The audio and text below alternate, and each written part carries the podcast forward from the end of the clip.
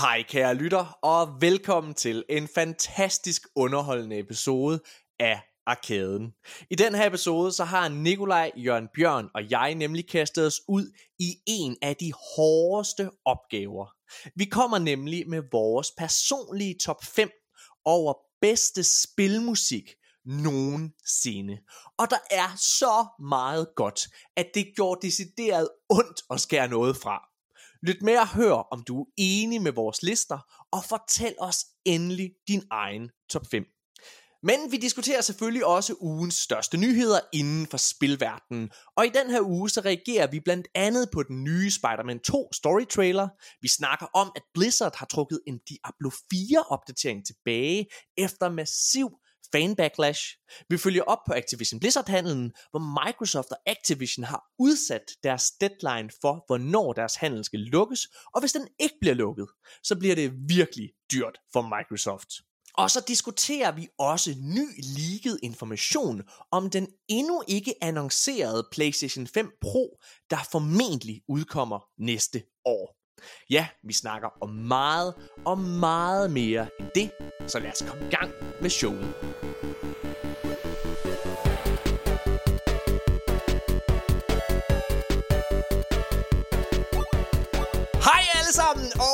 Velkommen til Arkaden, Danmarks største gaming podcast. Arkaden er en podcast, hvor hver eneste uge taler om de største og de nyeste nyheder inden for gamingverdenen. Så er det en podcast, vi laver i samarbejde med Hardwire.dk. Et øh, fantastisk sted, hvis du leder efter gode spilnyheder inden, eller nyheder inden for spilverdenen. Og øh, også ret fede artikler.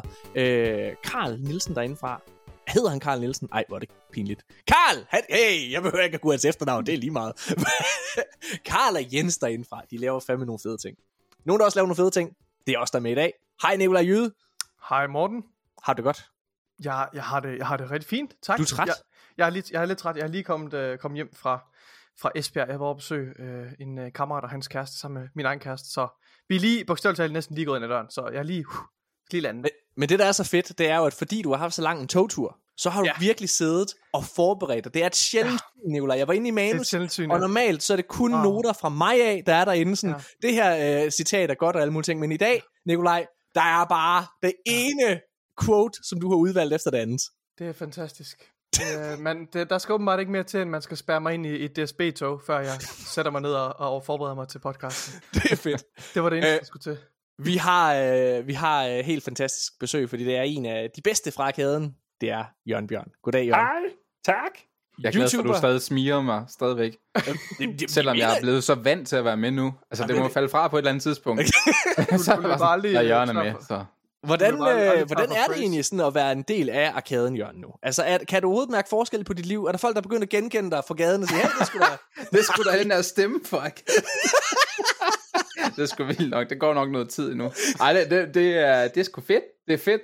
Jeg tror mest, jeg mærker det på hverdagen, på grund af vores, øh, igen, vores messenger-tråd, hvor at vi hele tiden diskuterer 24-7, tror jeg nærmest. Ja, det er sådan, hey, seriøst, det er vildt, og det har aldrig været sådan før. Det er virkelig sådan, du ved, de diskussioner, vi har her i podcasten, de fortsætter bare, altså på tekst, og hvad hedder det? det er fedt. Øh, nå, prøv at høre, ja, vi har en øh, virkelig, virkelig god episode i dag. Der har lige været øh, Comic-Con, og der har ikke været så mange øh, film og tv øhm, selskaber over til San Diego Comic Con, som der normalt er, fordi der er den her kæmpe store både skuespillerstrække og forfatterstrække over i USA. Men det har så gjort, at mange af de her computerspil, de har fået rigtig, rigtig meget øh, fokus. Øhm, hvad hedder det? Armored Core Rise of Rubicon har været derovre. Øh, Star Wars Outlaws har været derovre. Ikke Rise, det hedder ikke Rise of Rubicon, gør det? Hedder det, hedder det Rise ja, of Rubicon? Hedder det, Fires of Rubicon. Ja, Fires of Rubicon, ja. Fires of Rubicon. det var bare, jeg redder jer lige her. yes. og, øh, og så Spider-Man 2, og det skal vi snakke om. Der er også kommet små opdateringer i øh, Activision Blizzard-sagen, men den er jo altså ved at være lukket, og det, det er en fornøjelse. Men alligevel finder du tre-fire artikler i vores manus ja. om det. det skal, vi skal have det med, men, men det er en fornøjelse at sige, at det er ikke de største nyheder, vi skal snakke om i den her uge. Og det er dejligt. Øh, Jørgen, jeg ved også, det er, jo en, det er jo en sag, som egentlig på mange måder har øh, hængt lidt ud af halsen på os alle sammen. Den er, jeg, jeg synes jo, den er spændende at snakke om, men det er også meget de samme ting, man siger hver eneste gang. Så jeg ser virkelig frem til, at, hvad kan man sige, at, øh, at nu skal vi til at, at ryste posen. Det, bliver Og det godt. gør du det glæder også. mig til. Hvad hedder det? øhm, vi har også, øh, vi skal have noget lidt, øh, lidt specielt i dag. Vi skal lave en øh, top 5 over bedste spilmusik. Og det skal vi, fordi at øh, temaet fra The Super Mario Bros. Det er simpelthen, øh, det er simpelthen blevet sådan, hvad hedder det? Det- Nedfældet hedder det i The National Recording Registry over i USA. Og det er det første computerspil musik nogensinde, der, der har fået den ære at, at, komme, øh, at komme ned her. Øh, hvert år så er det Kæmpe sådan, kado. Kæmpe kado til Ja. ja. Det spilindustrien. det. Ja, helt vildt. Og det er jo også, øhm, altså jeg, jeg vil også sige, hvis man skal starte med et stykke musik, så er det næsten Super Mario, der giver allermest mening. Fordi Er det, det, noget er jo det mest genkendelige? Er du sindssyg? jamen, ikke bare det mest genkendelige, men også noget af det, der har haft allerstørst, altså spillet har haft allerstørst betydning for, altså for hele spilindustrien. Ja. Øhm, altså det, det, det, det, det er ligesom årsagen til, at vi har valgt at så lave kræfter, men vi kommer med vores top 5 over bedste spilmusik i vores optik. Øhm, og inden vi overhovedet starter med det, så bliver jeg simpelthen nødt til at høre, hvor svært var det for jer at lave den liste? Nikolaj. Øh, det var lidt svært, fordi at jeg ved, at jeg har hørt så meget godt spilmusik Ja. øh, spredt ud over øh, mange af de forskellige spil, så det var fucking svært at vælge, for at være helt ærlig. Øh, og så, ja, og så, og så prøver jeg, for jeg har jo også meget sådan, måske nogle, nogle niche-spil, mm. med, nogle, med nogle niche, hvad hedder det, soundtrack, som er en del af det officielle soundtrack, og jeg føler ikke rigtigt, at jeg kunne vælge nogen, der var alt for niche. Jeg er nødt til at vælge noget, der er sådan lidt mere generelt, altså fordi, det er jo, fordi vi jo ligesom laver den her top 5 i forbindelse med, med, med den her anerkendelse af, af Mario-musikken, så jeg føler, at jeg er nødt til at vælge noget, der sådan er lidt mere generelt. Mm. Så, det, så det, det er det, jeg har prøvet at lave min liste ud fra. Har du ikke også gjort det ud for din egen personlige altså mavefornemmelse omkring, hvad du personligt synes om musikken eller hvad? Jo, men det, det, det, det er lidt en balance mellem. Ah, Jeg forsøger ja. at vælge noget, der sådan er personligt, men også noget, der er genkendeligt. Så jeg har valgt fra nogle af de øh, numre, som jeg måske, hvis jeg lavede en ren, sådan rendyrket Okay. personlig liste, som jeg måske vil vælge fra øh, en Destiny expansion eksempelvis, dem har jeg valgt fra okay. til fordel for at vælge noget lidt mere generelt. Øh, og det er jeg faktisk glad for, at jeg har gjort, fordi det har bare, det har bare givet en mere interessant fordeling af musik, synes jeg. Jeg, jeg kan fortælle dig, at jeg blev simpelthen nødt til, fordi jeg synes, det her det var så svært. Jeg troede, da, da jeg skrev opgaven til jer, så var det sådan, det, ej, hold kæft med, det tager mig to minutter. det gjorde Ja. det ikke. Det har taget mig, mm. tror det har taget mig halvanden time, og jeg har virkelig... Jeg, jeg, endte kunne blive ved. Hvis du spørger Ja, ja, mig igen i morgen, præcis. så har jeg en anden liste. og jeg blev nødt til, jeg blev nødt til simpelthen bare at skære igennem og sige, jeg blev nødt til at gå efter, hvad jeg føler inde i hjertet. Mm. Og øh, Jørgen, inden vi startede med optag, så sagde du til mig, Morten, det her det er den sværeste opgave, du nogensinde har givet mig. Altså, jeg føler, at jeg er ved at slå 40 af mine børn ihjel, som jeg ikke har. Det- Altså, det er voldsomt. Jeg har virkelig haft det svært, fordi også hvis det var en top 10, så tror jeg, at det havde været væsentligt nemmere. Og så har jeg sat mig sådan nogle, øh, nogle benspænd med, at der må kun være en for hver franchise, ellers så tror jeg, jeg har haft ulideligt meget Zelda-musik og sådan noget på. Ja. Så en på franchise har jeg gjort, Præcis. og så har jeg altså også, ah, det kommer til at pine mig, jeg har 40.000 sådan øh, honorable mentions, og så har der, det piner mig eksempelvis, øh, nu siger jeg for eksempel Nier Automata, fordi der er musikken sådan vævet ind i, i gameplayet, og det er bare mega fedt at snakke om, men det er bare ikke, det er nok mit favorite music, men det, det, spilmæssigt er det Ja. pis fedt, og det bare irriterer mig grænseløst, jeg kan tale om det hele. Men lad os prøve, lad os bare komme i gang med øh, den her liste. Lad os gøre det, lad os hoppe direkte ud i det, øh, uden så meget snak. Og øh, igen, normalt så vil de sidde og snakke om, hvordan har I, har I haft det godt? Har I haft en god uge? Og alle mulige ting. Der er mange nyheder at snakke om. Der, jeg tror, den her diskussion omkring spilmusik, hvor Jørgen han sikkert kigger på dig og mig, Nicolaj, og siger, hvad fuck snakker I? Jeg er altså ikke spil eller musikekspert dog, det vil jeg gerne sige. ja, okay. Ah. Hvad hedder det? Men jeg føler altid... Jeg føler, Ej, og, og ved du hvad, når jeg siger det ikke også, så er mit første på listen, det er bare sådan en rigtig, sådan lidt fejnsmækker, hvor jeg har sådan en god historie, det kommer, ej, nej, nej, nej. Men det Jeg har ved ikke en skid om. jeg føler, jeg føler hver gang, jeg, at, at hver gang jeg sådan skal lave en podcast med dig, Jørgen, så kigger jeg mig selv i spejlet, og så, så siger jeg, i dag gør jeg Jørgen stolt. Men det gør jeg aldrig. Han er, det- bare er skuffet i stedet for. Er det nogensinde lykkedes sammen, Jørgen? Ej, Og jo, han blev stolt, jeg blev faktisk oprigtig stolt af ham, da han fortalte mig om historien med sin datter, og de spillede Nå. Zelda sammen. Ja. Der var sådan, Dad of the Year. det er jo fucking fedt. Prøv at det er stadigvæk med- en af de bedste, øh, Hvad en med af de dengang- bedste oplevelser. Hvad med dengang, jeg næsten gennemførte Elden Ring, Jørgen? Er- Eller, er du stolt af det? Seriøst, Nikolaj, vi, altså begge Det to, hvis I gennemfører opfordring. Sekiro, Sek, ja, jeg er så stolt af dig, men hvis I gennemfører Sekiro, også, så er, I, så er I ophøjet til gudstatus. I transcenderer simpelthen.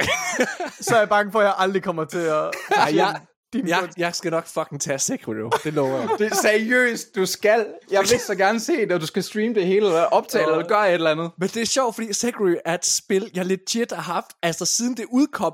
Og det er, det er sådan, hver gang jeg kigger det over, så er det som om, jeg kigger over med sådan en kæmpe stor pumper, der bare står klar til at smadre mig, altså.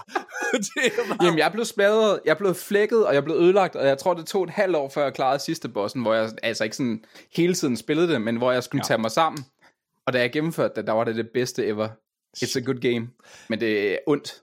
lad os, øh, lad os komme i gang med det her med, øh, med musikken. Øh, som sagt, det er vores personlige top 5 over, øh, hvad vi synes individuelt er de fem bedste spilnumre. Og det er i den rækkefølge, det vil sige fra femtepladsen og så op til førstepladsen. Jeg er både bange for, at mig og Nikolajs lister ligner hinanden, Ja, det gør det nok lidt. og jeg er, øh, hvad hedder det, sindssygt spændt på, hvad Jørgen han har. Øh, men Ja, det er også, vi ved bare, Morten Stil og min, de bliver måske, kommer til at minde lidt om hinanden, fordi vi har mange af de fælles referencepunkter, og Jørgens, det bliver bare altså, fuldstændig ud af skide. Alle mulige obskure referencer til et spil, jeg aldrig har hørt om, Jeg men tror som faktisk Jørgen ikke, det er mener, så slemt, som du tror. har meget kraftige holdninger om, at jeg bør spille. Nikolaj, lad os starte med dig. Hvad er din femteplads over det bedste spilmusik, du nogensinde har oplevet? På min øh, femteplads, der har jeg øh, det originale øh, theme til øh, Halo.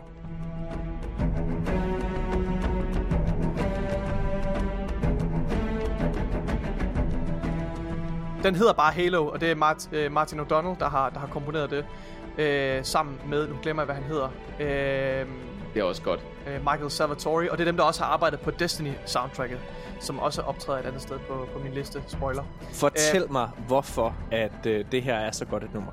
Det er det, fordi altså, i det større perspektiv, så er det jo bare et ikonisk øh, musiknummer, både for, for, Halo, altså for Halo og for Xbox, ikke også? Fordi Halo har, har været et øh, flagship øh, intellectual property for, for, øh, for, hvad hedder det, for Xbox. Et spil, der virkelig har, har, har været med til at definere first-person shooter-genren. Mm. Og jeg er ret sikker på, at de fleste mennesker med, med lidt kendskab til, de kender de her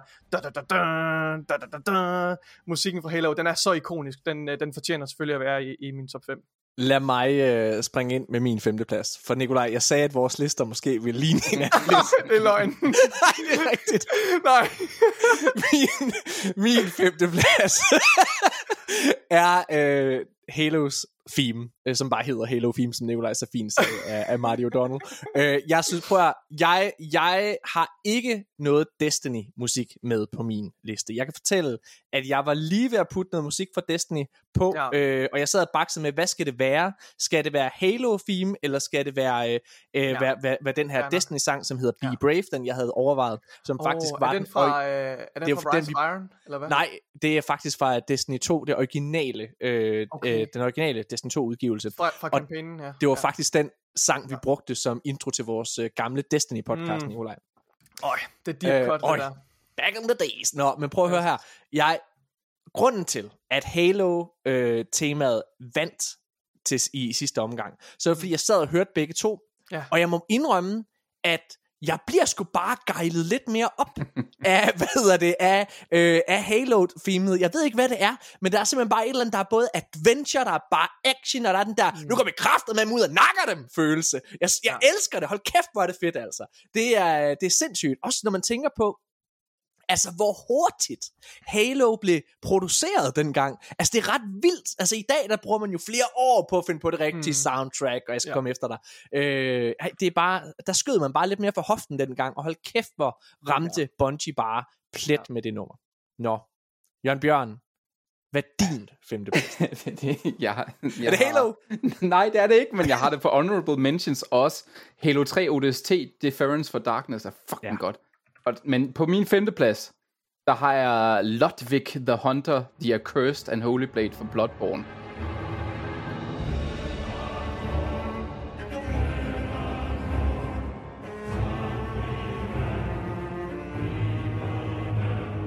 Og det er øh, noget fra DLC'et, og øh, mit største problem med det er, at det måske står sådan lidt... Øh, det er ikke nødvendigvis et godt nummer at lytte 100% til uden for spillet. Men det der er ved det, det er, at nu sker jeg noget baggrundshistorie, fordi øh, Lodvig er sådan en berømt ridder, man hører om igennem hele Bloodborne. Og så møder man ham i DLC'et, og han er bare en grotesk, ulækker vandskabning. Sådan virkelig ulækker, og musikken til det er sådan virkelig dissonant og meget smadret. Og så så jeg en eller anden gut, ja, det er totalt lån det fjerde, det har jeg på. Jeg så en YouTube-gut, sådan en rigtig professionel musiker, reagere på det, og jeg prøver at tænke, hvorfor er det her så godt? Så siger han, at starten på det her, det er med vilje spillet nærmest dårligt. Altså alle tingene er dissonante, og det får at vise. Og så siger han sådan, men det kan være det, fordi han er meget bæstagtig, og han, er, han har mistet sin menneskelighed. Og så halvvejs igennem kampen, der genvinder han sin menneskelighed og rejser sig op på bagbenene, for han er en halv hest, og tager sit svær i hånden, og så er der noget, genvinder han noget af den der, den der menneskelighed, han har, og så kommer hele musikken går op i sådan et, et kæmpe kor, og, han, og det begynder at spille altså sådan, sådan ordentligt, og de spiller sammen, og alle musikinstrumenterne kører, og den her kamp, ikke også? Det er seriøst er legit noget af det mest episke, jeg nogensinde har spillet i hele mit liv. Ludwig Boss-kampen er det vildeste. Jeg har aldrig nogensinde hørt det her nummer, men din, bare det, du sidder og fortæller om ja. det, jeg er faktisk lige ja. ved at forstå pelsen. Ja, men det er så ja. legit, det tager, på, jeg har også ståpels, men det er, en lang, det er et langt stykke musik, og igen, når du spiller det, så er det også, det bygger op og bygger op, og det, det bliver ved med at bygge op, og det går amok, og ej, jeg, jeg har lyst til at spille det for jer, så I kan høre, når det, når det skifter til, at han er et menneske igen. Er Bloodborne er dit, øh, dit yndlings From Software-spil? Ja, det er det, det er det. Altså, det er ikke, jeg tror ikke, jeg tror Sekiro er det, jeg bedst kan lide at spille. Okay. Men from, uh, med Bloodborne har det bedste temaer, og de bedste underliggende, uhyggelige temaer, og det er bare grotesk, og det er blodigt, og det er, der er intet, der minder om Bloodborne. Jeg, jeg må også indrømme, altså igen, jeg har faktisk, igen, Bloodborne er også et spil, som jeg har stående nede på, øh, på, på, øh, på min spilhylde. Hvad hedder det? Men det er et spil, som jeg aldrig har prøvet, på trods af, at jeg virkelig, virkelig godt kan lide den her gotiske artstyle, de har. Jeg synes, det er, jeg synes, det er det spil, From Software har lavet, som har det mest unikke univers. Ikke fordi jeg elsker Elden Ring. Det er mit personlige From Software-spil. Det er også det eneste, jeg har spillet. Ikke? Men hvad hedder det? Det er fantastisk. Det var en af de bedste mm-hmm. spil sidste år. Men det er meget, altså, klassisk fantasy på en eller anden 100 måde. enig. Mm. Øhm, ja, altså det, jeg virkelig, hold kæft, men det, det er fedt. Okay, Nikolaj. Ja. Hvad er din fjerde plads? Oh, fuck. Den er, den er i konstant bevægelse, den her top 5. Okay, uh, min fjerde plads, det bliver simpelthen uh, Nates theme fra Uncharted. Hmm. Så det er, det er et hovedtema. Igen, jeg forsøger at forholde mig lidt til, til hovedtemaet. Jeg bryder ja. den regel senere, men, uh, men, men, uh, men Uncharted's theme, synes jeg, uh, virkelig kan noget. Og når jeg tænker tilbage til, til de spil, der har, gjort allerstørst indtryk på mig, så er Uncharted helt, helt sikkert i toppen. Mm. Uh, og jeg synes, det er et ikonisk, ikonisk nummer, som jo bare skriger eventyr og, og, og Indiana Jones. Uh, ja. ja. Fedt. Ja. Okay, jamen øh, nu har vi ikke samme Godt liste valg. længere, Nikolaj. Er du klar? Godt, godt. Okay. Min fjerde plads er en af de første gange, at jeg lå mærke til, hvad musik kunne gøre for mig i et spil. Det er tilbage i 2010, det her, mine damer og herrer. Maj måned, det bedst sælgende spil på det her tidspunkt. Øh, Thomas Bense fra Pixel TV er faktisk ham, som øh, ikke var med til at sælge mig på det, for det var alle de fantastiske anmeldelser, som kom rundt omkring. Men han havde en ikonisk lille, hvad hedder det, review ind i Godmorgen Danmark, Thomas Bense, hvor han bare sagde, jeg er en glad lille cowboy. Og det var sådan, jeg havde det, da jeg spillede det, øh, det originale, eller ikke det originale, toeren faktisk i Red Dead Redemption ja. universet, altså det spil, som hedder Red Dead Redemption. Der er på et tidspunkt, øh, hvor du, jeg tror godt, man må spoil det her nu, når det er så mange år siden. Okay. Men der er et øh, tidspunkt, efter du ligesom, øh, du, du, du arbejder for at komme over grænsen, komme over til Mexico. Og det øjeblik, du kommer over til Mexico, så lander det her musik.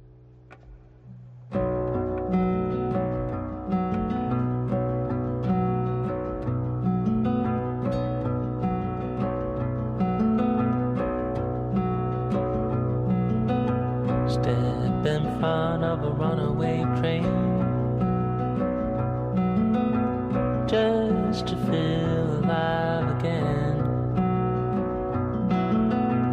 Pushing forward through the night. Som er melankolsk, western-agtigt trist. Der er en somberness over det på en eller anden måde, og det ramte mig. Jeg sad bare, jeg vidste, mens jeg sad og spillede det her, at lige nu var jeg ved at mærke et helt unikt, ikonisk øjeblik i spilhistorien. Jeg havde bare lyst til, at det aldrig skulle stoppe, og jeg red bare rundt i Mexikos ørken, mens det her musik spillede. Og de gentog, øh, prøvede at gentage succesen i Red Dead Redemption 2, som jeg synes er et bedre spil, men musik, musikøjeblikket lander aldrig lige så godt og lige så perfekt, som det gør i Red Dead Redemption fra 2010.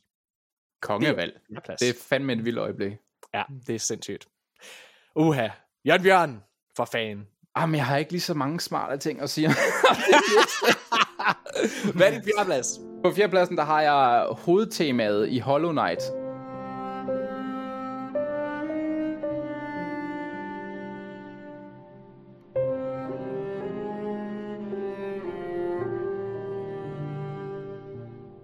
Som er et super simpelt pi- pianostykke, øh, som bliver spillet rigtig, rigtig meget, og det, det, det, det er meget melankolsk og sørgeligt, mm. og det er fordi spillet i virkeligheden, når man kommer lidt længere i det, nu spoiler jeg altså også lidt, så finder man ud af, at hele den verden, man er på opdagelse i, den er altså forfalden og har eksisteret for mange, for lang tid siden.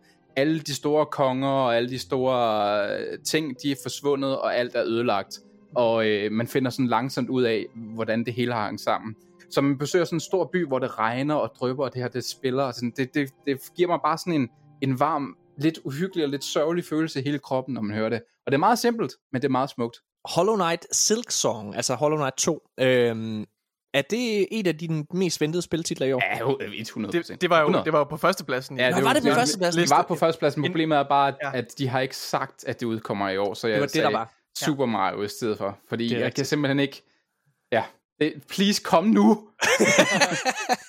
Hvad er det, at Hollow Knight kan? Vil du ikke prøve at sælge mig på det? Fordi jeg har haft det øh, downloadet på min Xbox af flere omgange, mm. Og jeg har aldrig kunnet tage mig sammen til det. Jeg ved Ja, det godt. det har også... Det, øh, jeg, jeg, jeg har snakket med Nikolaj også om det, fordi det har en lidt slow start. Mm. Det, kan jeg, det vil jeg gerne indrømme.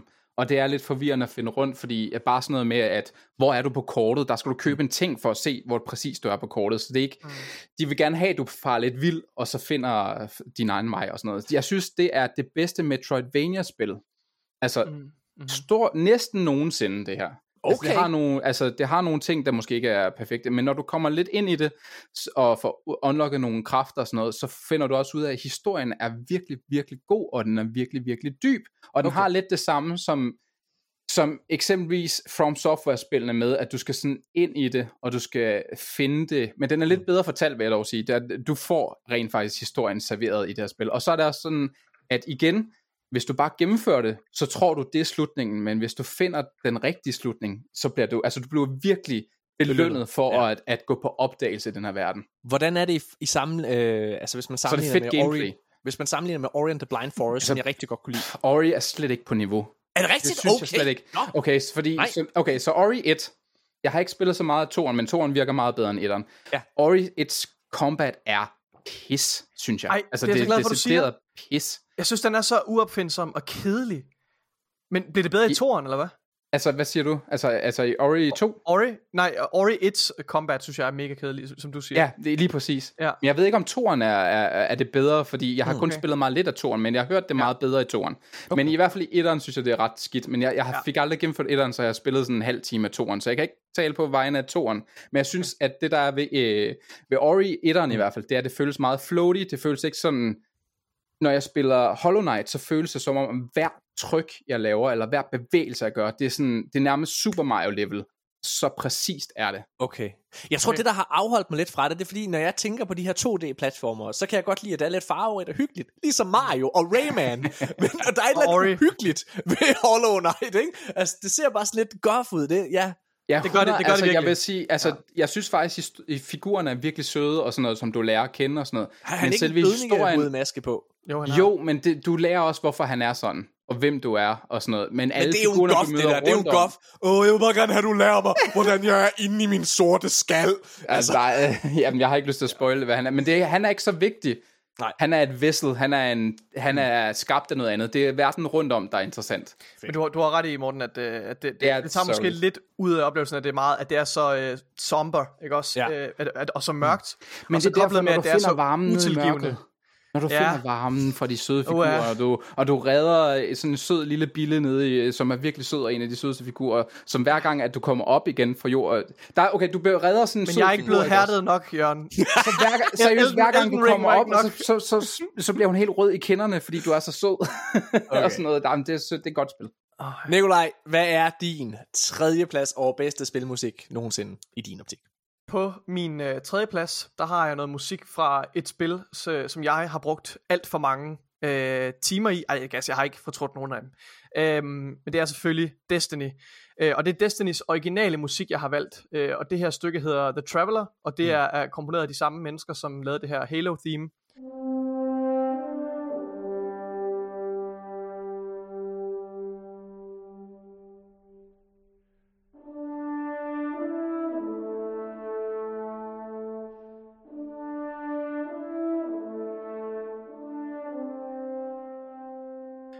Og, det var, og det er et stykke musik, som for mig sætter hele øh, tonen for Destiny-universet. Ja.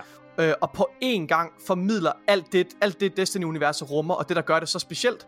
Og det er, at det har nogle sådan meget... Det, for det første, det er, det er, det er orkestermusik, ikke også? Så der er ikke, der er ikke så mange øh, elektroniske elementer i det. Øh, men det starter meget, meget langsomt ud, og sådan nænsomt, nænsomt og blidt, så fører det der sådan ind i musikken, inden den svulmer op. Og den, den formidler så meget mystik, der ligger under overfladen, og det er det, Destiny-universet er for mig. Det er ikke, en ting er, at det er, at det er crack for din hjerne, øh, at få alt det her, altså fordi det er en looter-shooter, så har Destiny en fantastisk øh, lore, som den er baseret på, øh, og, og en masse mystik, som bare drager dig ind i verden. Mm. Øh, og og det, det, det her musik her, det vækker så mange følelser, øh, så mange følelser for mig.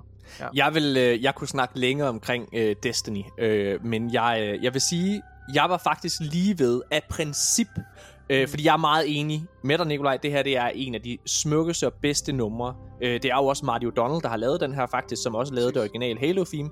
Men, men øh, grunden, altså, jeg var lige ved af princip at vælge øh, noget af det musik, der har været i nogle af de forskellige expansions, både Ja. Rise of Iron, Forsaken, øh, der er der et nummer, der hedder Også Queen's Oracle, som jeg rigtig godt kan lide. Ja, Og øh, jeg var ved at vælge det af princip, fordi at jeg synes, de kommer faktisk op på niveau. Hver gang der kommer en ny expansion fra Mm. Destiny, uanset, altså uanset hvilket, hvor godt den expansion er, så er musikken altid altså helt i top. Og det, der har været vildt Mm. med Destiny, det er, at Marty O'Donnell, han forlod jo Bungie.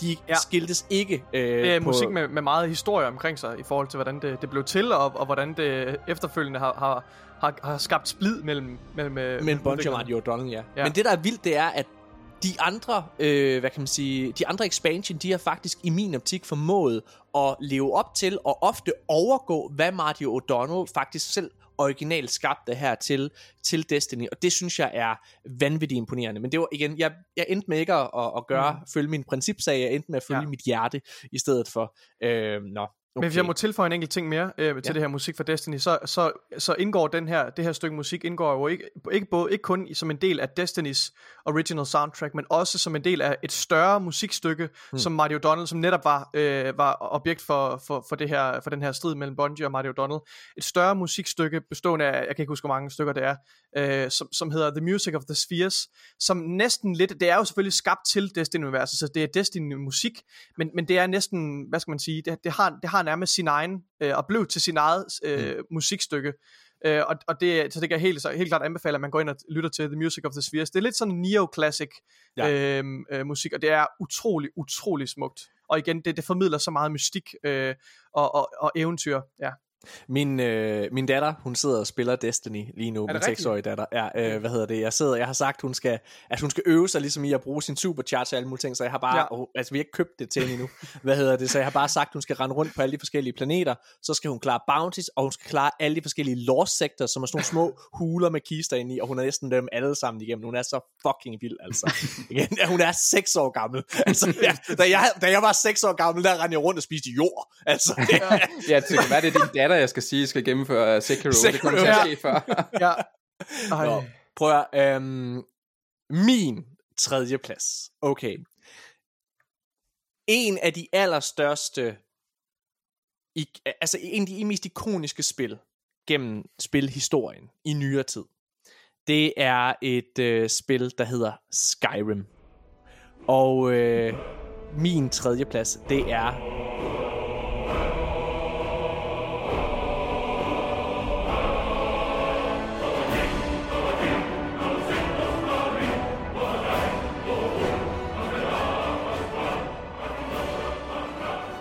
som jeg øh, synes er helt fantastisk. Det er det her nummer, det blev både brugt i trailerne til Skyrim, dengang det var jo det var der, hvor der var tv-reklamer, hvor den her sang også bare sad og kørte, og man blev bare så fucking pumped. Altså, jeg synes, det her det er det bedste musik, som øh, Bethesda har produceret til noget spil. Altså, det er så fantastisk. Nikolaj, for nogle år siden, der var vi oppe i Aalborg, og øh, hvad hedder det, hører øh, Video Game Symphony. Ja.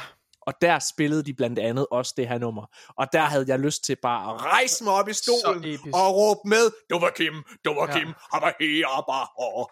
Det, jeg kan ikke lyrikken. Nej. så det var godt, jeg gjorde det. Ej ja, det var helt fantastisk. Ja, det er fucking fedt. Nå, oh, ja. Jørgen Bjørn, for fuck's sake. Hvad er din øh, tredje plads? På min øh, tredje plads, der har jeg... Jeg skulle vælge... Jeg tænkte, jeg skulle nødt til at tage et nummer fra Super Mario. Øh, og jeg, jeg elsker det origin, altså, originale tema, helt klart. Men mm. jeg tror, mit yndlingstema, det er helt klart Gusty Garden fra Super Mario Galaxy.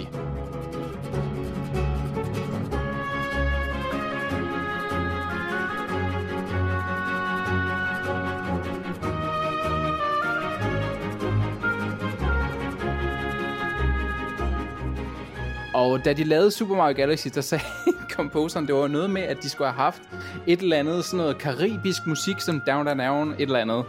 Og så, okay, nu, ja. Og så sagde nej, nej, jeg tror, det skal være noget klassisk og, orkestermusik. Og så blev det det, og det her stykke musik, det er så skide godt, at det er med i Super Mario-filmen. det er som en af de få numre. Nå, okay. Jeg fatter ikke, hvorfor de ikke har flere numre fra spillene med. Men Ghost Garden, det er bare et nummer, som jeg altså så igen, Super Mario Galaxy er et af de bedste spil, der nogensinde er lavet. Det er, er det det bedste så, Super Mario-spil, du har spillet? Uh, jeg spillede det igennem igen for nylig, og jeg synes faktisk, Super Mario, uh, hvad hedder det?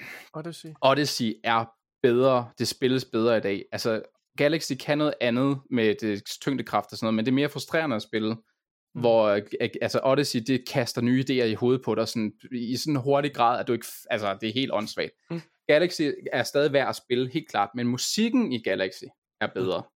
Meget bedre. Okay. Nikolaj, nu begynder det jo at blive spændende, fordi nu, nu er vi jo nede fuck. i top 2. Det her, ja, altså jeg er, jeg er så spændt på at høre, hvad du har her. Nu. Nikolaj, for fuck's sake, hvad er din anden plads? Ja, så den her, den, øh, det er lidt Den går ud til dig, mor! Det går ud til dig, mor. Øh, nej, det gør den ikke. Øh, det er lidt en sniger, den her. Jeg havde ikke lige regnet med, at den ville komme så højt op på listen. Men når jeg har siddet og lyttet til det her musik, så det her, det, øh, det, det er meget anderledes fra det andet musik, som jeg har fortalt om indtil videre, som har været meget, øh, altså meget klassisk med klassiske instrumenter. Det her, det er god gammeldags metal. Øh, og det kommer fra et spil, som, øh, som jeg spillede øh, med Game Pass, efter at øh, Microsoft havde købt Bethesda. Øh, og det er et førstpersons skydespil, hvor at når jeg spillede, efter jeg havde spillet det her i bare en time, så havde jeg så mange spændinger i, i nakken, at jeg fik spændingshovedpine i to timer efterfølgende. Øh, og det har jeg gjort lige siden, hver gang jeg sætter mig ned og spiller Doom fra 2016.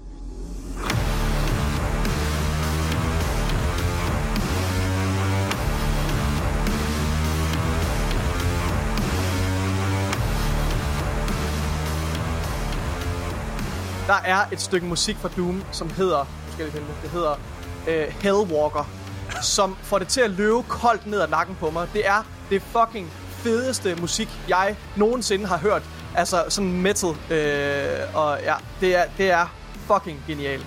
Og, det... og, og når jeg hører det, så tænker jeg bare på, at jeg løber rundt med en shotgun og, og altså flår organerne ud på, øh, på, på dæmoner, ikke også? Det er så, hold kæft for det, det er så punchy, og det er så stemningsfuldt og, og lækkert, ja.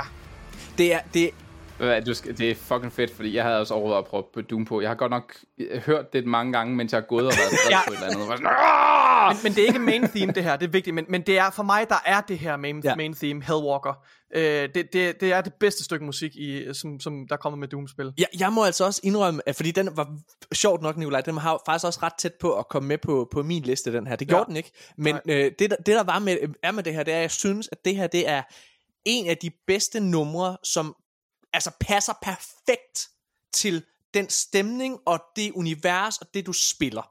Ja. Altså det er bare, det er så perfekt. Ja, jeg, jeg prøver, det er godt. Ej, det er jeg glad for, du vil det her, Nicolaj. Ja. Okay. Tak. Så, min anden plads.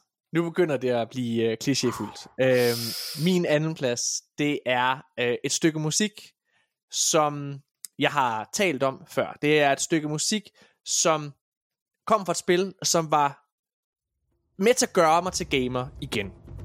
Det er selvfølgelig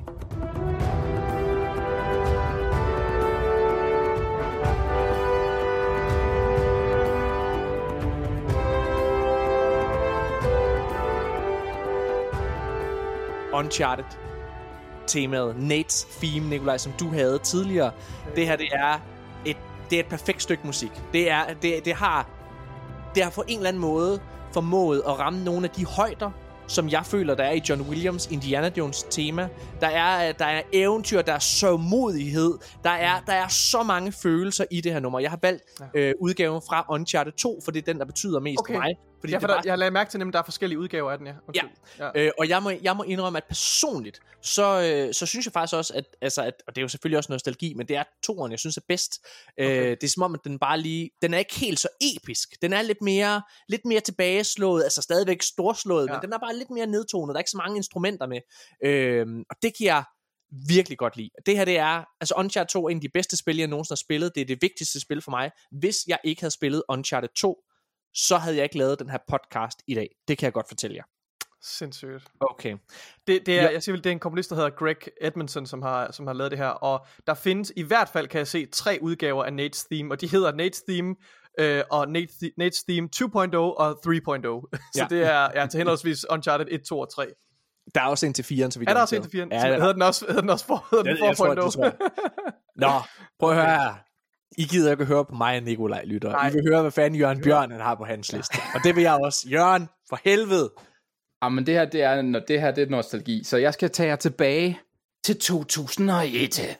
og på det her tidspunkt, der kom der en Playstation 2. Og på det tidspunkt, så var der ikke sådan film og spil var meget sådan separeret, separate ting. Men der var en psykopat, der hedder Hideo Kojima, og han er stadigvæk psykopat i dag. ja. Han lavede et spil, der hedder Metal Gear Solid 2, Sons of Liberty.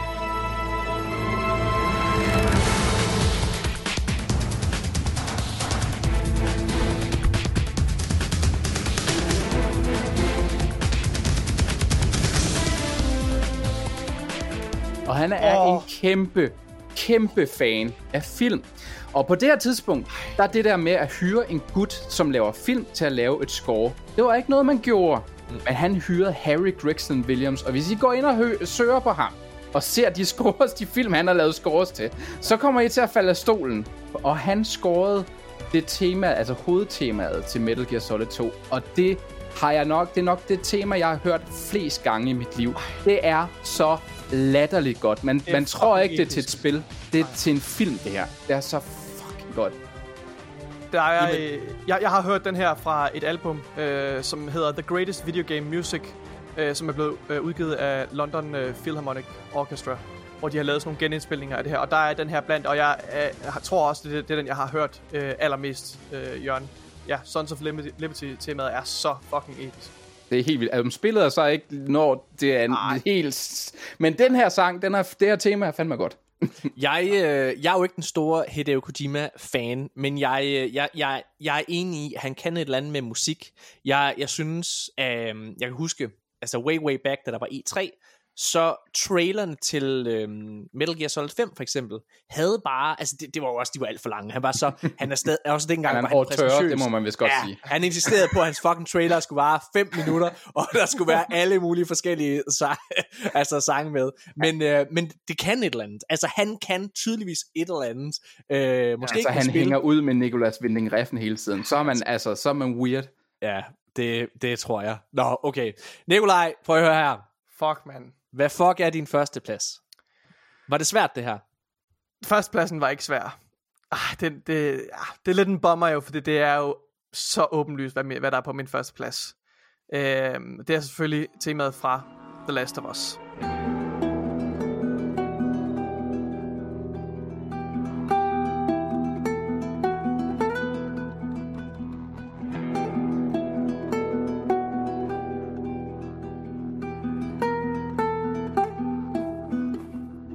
At det her nummer kan for dig, Nikolaj? Det, øh, altså når jeg hører det her øh, musik her, så, øh, så bliver jeg næsten bevæget til tårer, fordi det tager mig tilbage til ikke bare The Last of Us Part 1, øh, men også Part 2, hvor selvfølgelig alle de musikalske, hvad hedder det, det overordnede tema går jo igen i de her spil her. Øh, og, og, og, og jeg, det, jeg var lige før at vælge, jeg var lige ved at vælge part 2 øh, udgaven af det her stykke, fordi det, det har ligesom spillet øh, og udviklerne, så har det også ændret sig utrolig meget og blevet mere modent, og på en måde husker jeg det sådan lidt mere tjusket i den måde, det er spillet på, men det er spillet med mange flere følelser. Øh, og, og jeg synes bare, jeg synes, det, er, det er så smukt et stykke musik, det er så ikonisk. Øh, Øh, ja, og, og der, der er så mange følelser bagt ind i det, efter, efter, efter at have, have spillet The Last of Us. Øh, men det er særligt det her med, hvordan musikken, øh, hvordan de to udgaver af den her, har udviklet sig for at, at afspejle den ændring, der også er i Last of Us Part 2. Det synes jeg er, er helt, helt fantastisk.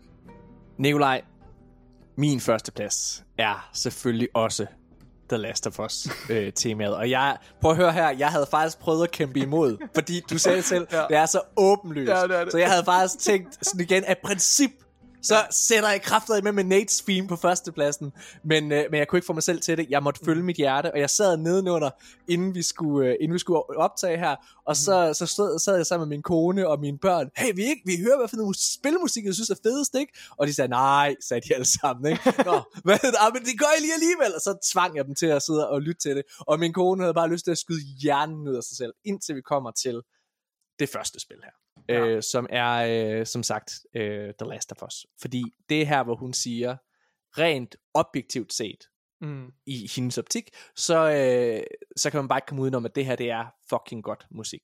Øh, det er min klare førsteplads, det er noget musik, som på en eller anden måde både formår have den der melankoli, som jo er i The Last of Us universet, men også have følelsen af uhygge og håb samtidig.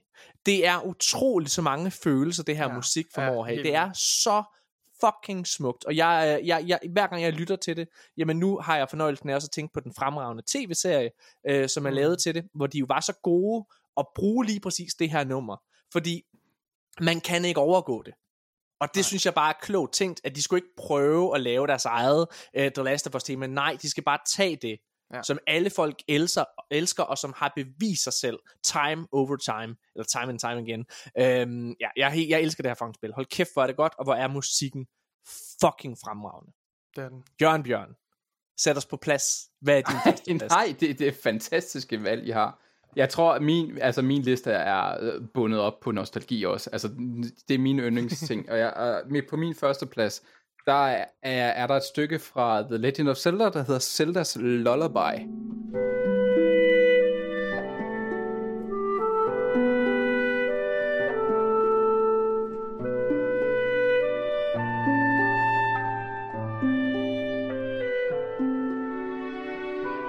Og jeg tænkte, er det her egentlig det, det jeg bedst kan lide? Og, og så lyttede jeg til det flere gange, og så fandt jeg ud af, at det er det. Og det er fordi, så Zeldas Lullaby, det er nærmest hendes tema, så hver gang man møder Zelda, så bliver det her ja. spillet, og det er super simpelt, og så videre, men Nintendo er så god til at genbruge det her. Jeg tror, det, det er, det, altså, når man er vokset op med Zelda, så, så når man møder hende, så er man, så er man rolig. Ved hende er der ro, og der er styr på det, og hun er ens gode ven, og, og så videre. Og de genbruger det her tema så vildt meget. I Skyward Sword, hele hovedtemaet er bare det her tema spillet baglæns. Altså, det fungerer godt stadigvæk baglæns. Og så i det nyeste Tears of the Kingdom, jeg skal nok ikke spoil noget, men de spiller det her til sidst. Og altså tårne piblede ned Ej. af mine kinder. Og, og det er så meget magt, det her musik har. Og det er jo ikke, det er ikke et super avanceret stykke. Det er ikke noget, men man, man er vokset op med det. Og man jeg tror, når det bliver spillet, så er det indkodet i ens hoved. Mm. Nu, nu, vi venner, jeg skal, jeg skal redde min ven. og nu, og det er bare, man er bare vokset op på det fuldstændig inkorporeret en, altså fuldstændig, hvad hedder det, hvad hedder det, når man bare bliver programmeret til at reagere på et stykke musik. Og det er det selv Lullaby gør mig. Jeg, jeg, jeg, jeg forstår pils ja. med det samme, og er fuldstændig ødelagt. jeg tror, jamen, jeg, jeg, jeg tror også, du skrev faktisk, da det var, at nyheden, for det var faktisk dig, der gjorde os opmærksom på, at Mario-musikken her var, øh, var blevet øh, nedgraveret i, øh, i, hvad hedder det, i, i det der National Registry piss over i USA. Og øh, der skrev du, at det her, det skulle være det næste, som blev nedskrevet, eller hvad det hedder. Ja, ja yep. det, jeg tror, det hedder subliminal messaging eller et eller andet. Det er der, når man er fuldstændig indkodet til det. Jeg, jeg har ikke noget smart at sige om det andet, at det er et godt stykke musik, og jeg ja. voksede op med det, og derfor sidder det fast. Og det er total nostalgi. Jeg får det på førstepladsen. Ja. Jeg har ikke noget smart at sige om det. Jeg, øh, jeg synes, det her det er var fucking fedt at sidde og høre jeres, øh, jeres lister her. Og det er sjovt. Altså, det er sjovt, hvor meget nostalgi betyder. Fordi da jeg sad med min kone nedenunder, ikke også, der sagde hun faktisk også det her med, jamen, det er tydeligt, at fordi jeg ikke har en... Øh, altså, jeg, har- jeg har ikke en oplevelse med det her spil, jeg, har- eller med den her musik, for eksempel i Skyrim, ikke også? det betyder simpelthen ikke noget for mig. Så jeg kan godt høre, jo jo, der er noget, hvor det lyder meget fedt, men det samme med Destiny. Det er jo fordi, at når man sidder i Destiny, så musikken bliver brugt Mm-hmm. mens man kæmper og så videre, og de er så gode til at bruge den rigtige musik, når det er, man laver de fedeste ting, ikke også?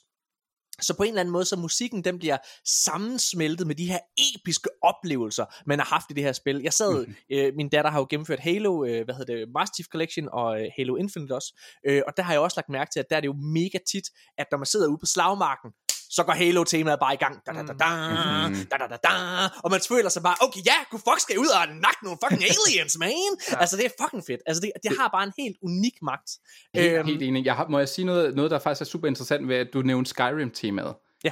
Det er jo nostalgisk for mig på en anden måde, fordi det er jo et remix af Morrowind Oblivion-temaet. De har, det er, det det, det? samme tema hele tiden, altså, hvor de bare har tilføjet ting. Nå, Så, ja, ja. så det sidder jo i Mm. Altså, og, altså Elder Scrolls fans, det her tema, også sådan helt fra barns ben. Så når de spiller det på nye måder, så bliver man sådan helt... Ah! Åh, ja. har I, øh, hvis I bare skal vælge en honorable mention, kun en. Ah, kan vi, ej, kan, kan vi 20, kalde det mand. flere? Prøv at høre, hvis- der er noget, man kan tage ud af det her, at lave den her liste, så er det, at der findes så meget fucking godt spilmusik. Ja.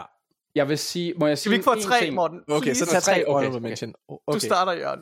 Okay, Så jeg det vil her, det er- gerne... Det her det er så lister, det her musik, der ikke er kommet på vores Ja. top 5. Ja.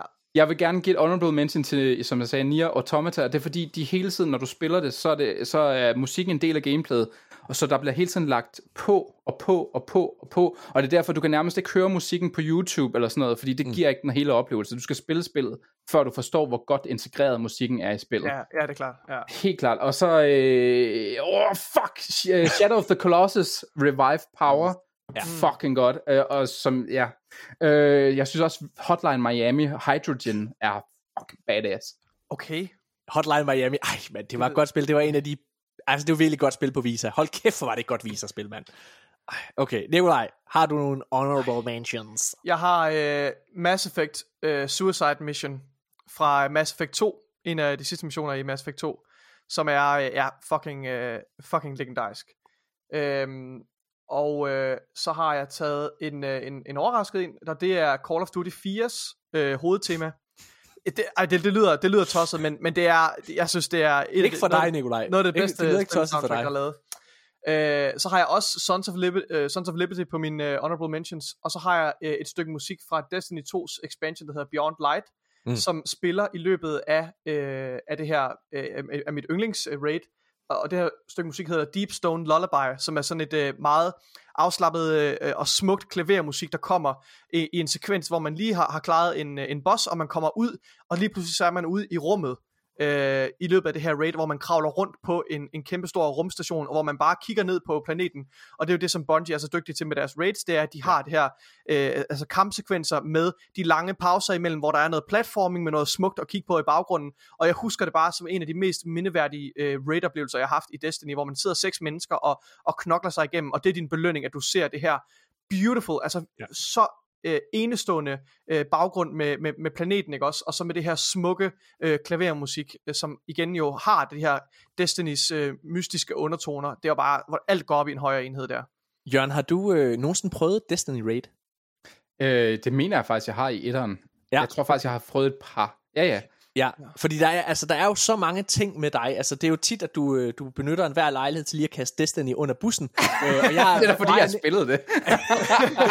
og mig og Nikolaj, vi er jo, vi er jo gamle Destiny-narkomaner, vi er ude af det nu, vi er clean, ikke? Men, men jeg vil alligevel sige, der er så meget i mig, som tror, at du vil elske Destiny. Altså, og særligt de her nyere raid-oplevelser.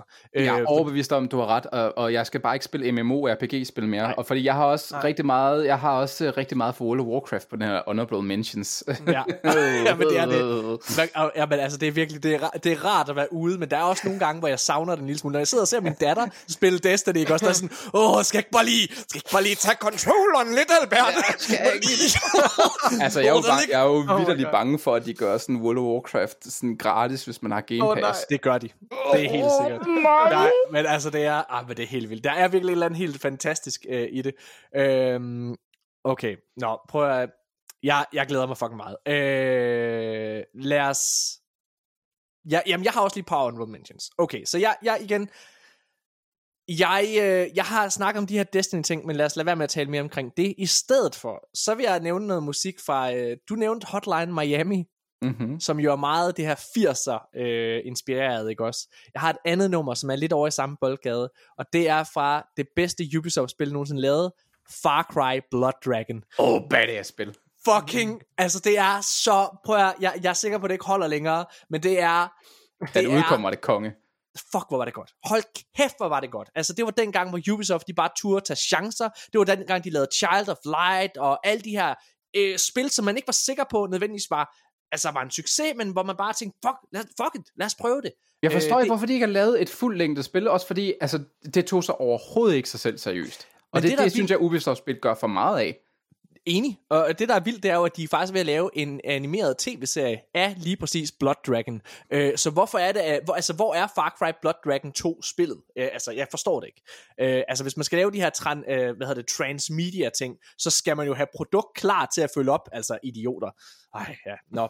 Okay, øh, men jeg vil alligevel lige nævne et nummer, øh, som jeg synes fortjener det er, en, af- det er en nyere titel, som jeg allerede nu synes er ikonisk, og der hvor jeg bliver opmærksom på, at det allerede nu er ikonisk, det var faktisk, da vi anmeldte den her titel, toeren Mm. til den her titel. Det er selvfølgelig God of War fra 2018, Ah, ja, okay. øh, hvad hedder det, tema, som er lavet af Bear McCreary, som er en af de mest ikoniske film- og tv-komponister ude i verden. Øh, Bear McCreary, han har lavet Jamen altså, listen er, er fucking lang. Altså Battlestar Galactica, hvad hedder det? Øh, prøv, prøv, lige at, at, at slå Bear McCreary op, øh, en eller anden. Hvordan staver du det? Bear McCreary? McCreary med C. Åh, oh, okay. Hvad hedder det? Altså, øh, Battlestar Galactica, og øh, han lavede også, øh, jeg, jeg kunne meget godt lide Kevin Smiths, øh, hvad hedder det, He-Man, øh, eller fuck, det hedder Masters of the Universe hed det. Men han lavede rigtig, rigtig meget. Øh, er der nogen, der har et eller andet nummer med ham klar? Uh, jeg har ikke noget, men jeg er godt sælger, og alt muligt har han lavet film, eller musik til, og alt muligt weird. Det, Ja. Er der ikke weird? Gode ting. Okay, jeg, jeg prøver lige at se her, hvad han har lavet, ikke? Giv mig lige fucking to sekunder, idioter. Rul nu, Morten. Morten, du, du bliver så stresset hver gang. der Det er fordi, jeg hader, at der er død Jeg kan luft. godt- Jamen, jeg kan kan godt godt- sige noget. Jeg har... Jeg kan Jeg, godt prøv, være- må jeg lige hurtigt? Jeg nævner hurtigt. Jeg har Hotline Miami, jeg havde Journey, Apothesis, og så Halo 3 ODST. Ja. Beyond Good and Evil soundtracket, som fra, hvor der er en, der hedder Home Sweet Home. DuckTales Moon Theme. Battlefield 1942. Oh, Perfect oh. oh. Dark Credits. Shadow of the, ja, Shadow of the Colossus, så har jeg uh, Doom Eternal også. Og så Dragon Age Inquisition temaet, synes jeg Uh, badass. Ja, Er, er er Battlefield 2 ikke der på din liste? Øh, 1942, er det ikke det samme tema som Det er det originale, helt Det er det originale. originale her. Ja, okay. Øh, det, det, er lidt okay, det samme, det er lidt det samme tema, de har sådan refurbished, ikke Ja, også? 100, ja, lige Okay, men præcis. så, så er jeg glad for, at du også... For jeg har, jeg har Battlefield 2 på min honorable mention også, men, men den er sådan, ja. Han, samme øh, han har lavet øh, altså en masse sådan temaer, altså ud over, hvad hedder det, øh, hvad fuck hedder den? Øh, Battlestar Galactica, som, som jeg nævnte tidligere, og Guard of War, så har han lavet, øhm, hvad hedder den, den der, der hedder Black Sails, som var sådan en sørøver skatteøs, øh, hvad hedder det, agtig, øh, agtig serie, og så har han lavet det der Outlander noget, som jeg ikke lige har set, øh, men det kan min kone godt lide. Øh, altså, han er bare vild. Ej, nå, sindssygt. Fedt, man. Lad os, øh, lad os gå videre. Hvis der er nogen af jer lytter, som øh, sidder inde med en eller anden et, et, et, et, noget musik fra et spil, som vi ikke har taget med, som I synes, hey, det her musik skal I lige gøre os opmærksom på, så skriv det til os, enten i en kommentar på et eller andet sted, hvor den her episode er blevet delt, eller privat til mig, det er også fint. Øh, det vil vi sindssygt gerne øh, høre. Fuck, mand, det var, det var fedt. Inden at vi lige hopper over og øh, snakker om nyheder, har en høne pluk med dig, Jørgen Bjørn. Åh oh, nej, hvad har han nu gjort? Du, øh, du har været gæst hos vores øh, dødsfjender, vores konkurrenter. Det så jeg godt, din motherfucker, man! Over på Gameboys. Hvad hedder det? Ej, prøv at, vi kan rigtig godt lide. De gav mig snaps. Ja, du, du var fuld, og øh, hvad hedder det? Du sad der og, øh, og, og spillede, var det Mario Kart, du spillede? Ja, Mario Kart. Ja, og ødelagde dem fuldstændig, fordi ja. jeg, jeg er jo en pro-gamer. og du var lidt, du var, du var, du blev sådan en lille smule snallet. De holdt, de holdt sådan noget julefrokost. Man kan høre... Øh, Julefrokost i juli. Ja. Ja, lige præcis. Øh, men I kommer ind, øh, du kom ind på, øh, på spil, øh, hvad hedder det, journalistik i Danmark. Og der var du ind på en lang svada, og øh, bare så man ikke øh, sidder og trykker stop nu og tænker, "Øh, lad mig hellere gå ind og høre de andre. Nej, nej, bliv her, vi snakker om det nu, så slipper I for det. Hvad hedder det? øh, Men det er fordi, jeg synes faktisk, det var virkelig, virkelig spændende. Du var sindssygt kritisk omkring lige præcis spiljournalist i Danmark. Du kastede også os en lille smule under bussen. Hvad Ja. hedder det? Men jeg, vil, og, jeg, og jeg synes, det her legit er et fucking spændende emne, fordi hvis det er, man skal gøre en forskel, hvis det er, vi skal ændre den her diskurs, så bliver vi nødt til at snakke om det. Vi bliver nødt til at snakke om, hvor dårligt vi rent faktisk gør det i Danmark. Jeg synes, der er gode takter. Jeg kan godt lide Hardwire. Jeg synes, de har en masse fede ambitioner. Og det mener jeg, det er ikke bare fordi, øh, hvad hedder det, at, øh, at vi sidder og samarbejder med dem nu. Jeg synes, Game Reactor med den gode Magnus Grof Andersen gør en masse Mm. gode ting. Men meget af det, de laver over ved Game Reactor for eksempel, det er meget copy-paste artikler. Altså, jeg kunne næsten, hvis jeg skal være lidt ond, lige så godt læse det på et udenlandsk site. Jørgen, hvad er problemet med spiljournalistik i Danmark i din optik? Det er fucking røv gammeldags. Fedt, mand. Altså, hvad med dig, Nicolaj? Hvad synes fucking du? gammeldags. Nej, Jeg vil men gerne høre, okay, hvad Jørgen Altså, synes. det her, det er jo meget... Altså, vi gør rent faktisk noget, der er moderne. Okay, så jeg for, altså, jeg, det er jo fandme 10-12 år siden, at jeg på universitetet skrev en artikel, eller skrev opgaver om, at jeg synes, Troldspejlet havde fuldstændig fejlet måden at formulere, altså, formidle spil på i Danmark. Øh, og det, øh, derfor lavede jeg, at nærmest af trods om sammen med nogle andre, øh, en YouTube-kanal, der hed Spilministeriet i Danmark, mm. hvor vi lavede anmeldelser, som på det tidspunkt var meget mere inspireret af måden, man lavede anmeldelser på i USA. Altså, hvor der var meget flere klip, der var meget mere, vi gik i dybden og prøvede at forklare, hvad fanden var der op og ned. Og jo, det er ikke alt, der var lige godt og sådan noget, men vi fik faktisk rigtig mange visninger. Mhm. Mm-hmm. Og vi, det gik ikke lang tid, altså det tog to sekunder, så havde vi overhældet Pixel TV og alt andet. Altså de, vi sked på alle andre medier ret hurtigt. Øhm, og jeg tænkte, altså det jeg gerne ville, og det jeg skrev i min opgave, det er, at vi mangler nogle flere kvinder, noget repræsentation af kvinder, fordi der, er- der er fandme lige så mange, der spiller, spiller spil, der er kvinder, så vi havde også en, Mhm, mm-hmm. en mhm. kvinde med i vores, øh, vores setup, og så, havde, så manglede der også noget formidling af noget, at e-sport var blevet så stor, men min største kritik var egentlig af troldspejlet, og det er, fordi jeg følte, at når du har et så stort, sådan stor public service platform, som det er, så skal du ikke lave et program i 30 år, uden at ryste posen, og så ikke ændre på det her program. Du har et ansvar, når man laver spilformidling, især på DR, om at få det her ud til flere mennesker og repræsentere Mm. de mennesker, som rent faktisk spiller spil. Og det synes jeg ikke, at de gjorde ordentligt. Hmm. De har så prøvet senere at lave sådan noget som Ultra Gaming og sådan noget, som er, synes jeg, altså de når ud til en masse, men der er intet public service i det. Nej. Jeg er jo, vi er jo, altså, jeg, jeg har været, været selvstændig i mange år, og det er meget ydmygende, ikke en ydmygende, it's, it's a humbling experience, prøver jeg at sige. Altså man lærer, at okay, øh, man skal tjene nogle penge og sådan noget, man skal prøve at formidle det godt, og så når DR bare kommer og laver en masse gamingindhold, som er ikke det, man synes er public service, og de har ansvaret for at lave noget ordentligt, så bliver man ekstra sur. Ja. Øhm, og jeg synes godt nok, at, at, at man har ikke taget især videoindhold til sig. Altså der er jo, Mhm. og man har ikke gjort det personligt, som alle andre medier i hele verden har gjort. Altså sådan noget på YouTube.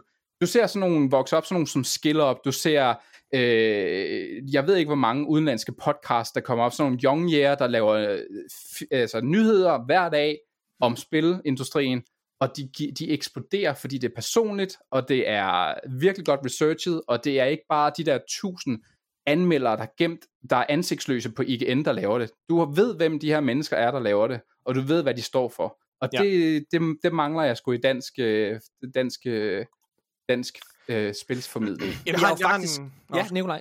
Nej, jeg, jeg, siger, jeg, jeg har en holdning til det her med, med, med, med medier, men jeg er ikke, jeg er ikke så sikker på, om det nødvendigvis øh, om, det forholder sig specifikt til, til danske medier, selvom jeg ved, det er et problem i Danmark blandt andet med, det kan også være, det også er andre steder.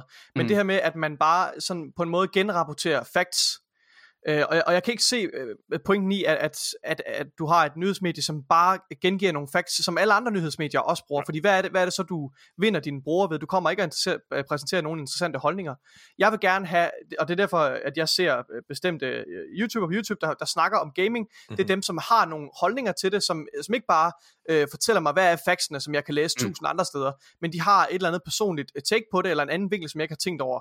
Så, så det, jeg mere søger i forhold til nyheder, det er øh, meninger om nyheder. Og det er derfor, jeg synes, det selv, selv er sjovt at lave en, øh, en podcast, øh, hvor jeg synes, at øh, Morten, du har, ofte har nogle ret øh, skæve øh, syn og, og vinkler på, på forskellige Men man nyheder ved, hvor og, man og har emner. Morten, når man lærer ham at kende også.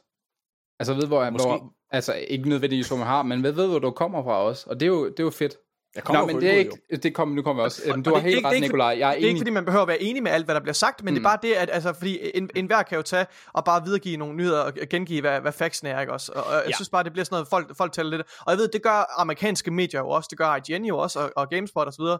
Men, men ja, Men hvis jeg må, hvis jeg må bakke op, for jeg, Ja. ja. jeg, jeg er simpelthen, og det, det er jo derfor, jeg bringer det her emne op, øh, som Jørgen talte om i, øh, i Gameboys, fordi jeg sad virkelig hele vejen igennem bare tænkte, fucking ja, og hvor er det fedt, at du siger det i et statsstøttet radioprogram, som i min optik, med al respekt til, hvad Gameboys gør, ikke er lykkedes med deres ansvar. Fordi jeg synes faktisk, at de har alt for travlt med at sidde og interviewe, hvad ved jeg, Oliver Bjerrehus og alle mulige reality-stjerner, som ikke ved en fucking skid om gaming. Altså, trods alt i vores podcast, der gør vi os umage med at få mennesker ind fra miljøet, som rent faktisk har, hvad jeg synes ofte er interessante perspektiver. Og så kan man jo være enig eller ej. Øh, men jeg har altid været dybt inspireret af USA, og jeg synes endnu ikke, ja. vi har nogen, ikke engang os, som har gjort det lige så godt, som de gør det over i USA. Jeg synes, vi er på vej, hvad hedder det, men, øh, altså med arkaden, men hvad hedder det, det her med, Altså for eksempel de gamle IGN-dage. Jeg sad og lyttede til, øh, hvad hedder det, Beyond, øh, podcast Beyond, deres Playstation podcast, med Greg Miller og øh, Colin Moriarty, hvor de sad og diskuterede, og man kunne mærke det her, at det var jo deres perspektiver, det var deres holdninger. De sad Mm. og, og udtalte sig omkring deres perspektiv ud fra en eller anden nyhedshistorie. Samtidig med, at de lavede sjov. Det var en mega sjov podcast. Altså som altid øh, stak af øh, ud af alle mulige tangenter. Og de har det samme i dag, Greg Miller øh, i Kind of Funny, som han har nu. Og øh, hvad hedder det, Colin Moriarty har det samme i hans øh, podcast, som hedder Sacred Symbols. Og det synes jeg er fedt. Det er det, vi mangler i Danmark. Mm-hmm. Fordi jeg jeg gør mig ret umage med, når jeg sidder, der har jeg faktisk også sagt både til, til Jørgen Nikolaj, jeg gør mig ret meget umage med at læse artikler, øh, ofte fra, øh, hvad hedder, altså kilder, som, eller hvad kan man sige, øh, websites, som jeg nogle gange godt kan lide, som Video Game Chronicles og IGN og sådan nogle steder, der sidder jeg og læser artiklerne, og så bagefter, så kan jeg godt gå, lide at gå ind og høre en eller andens holdning omkring mm. det, for at blive udfordret på min egen, men jeg kan godt lide at danne mig mit eget perspektiv først, inden at jeg du ved, lytter til andre, så jeg ikke bliver farvet. Men jeg, jeg håber simpelthen, at vi kan få mere af det, og jeg håber, der er andre i Danmark, som prøver at gøre det, vi gør her i arkaden. Altså, fordi det er seriøst det, vi mangler, og jeg føler jo, at jeg synes, der er så meget potentiale i den danske øh, gaming-miljø, øh, men hvis vi skal indfri det, så skal der andre på banen ud over arkaden. Ligesom med mm. Xbox versus Playstation, som jeg så ofte snakker om. Konkurrence er godt. Det er fucking op. Altså, hvis det kører med klatten for Gameboys, så bliver vi jo presset til at gøre det bedre, øh, øh, og så videre, ikke? Jeg har da også sådan, okay, så da jeg startede Sp- Spilministeriet, der havde de første fem kreative, synes jeg, artikler eller video øh, ting, jeg gerne ville. Jeg vil gerne have hjernemassen ind og snakke om, hvad gør lootboxes ved din hjerne?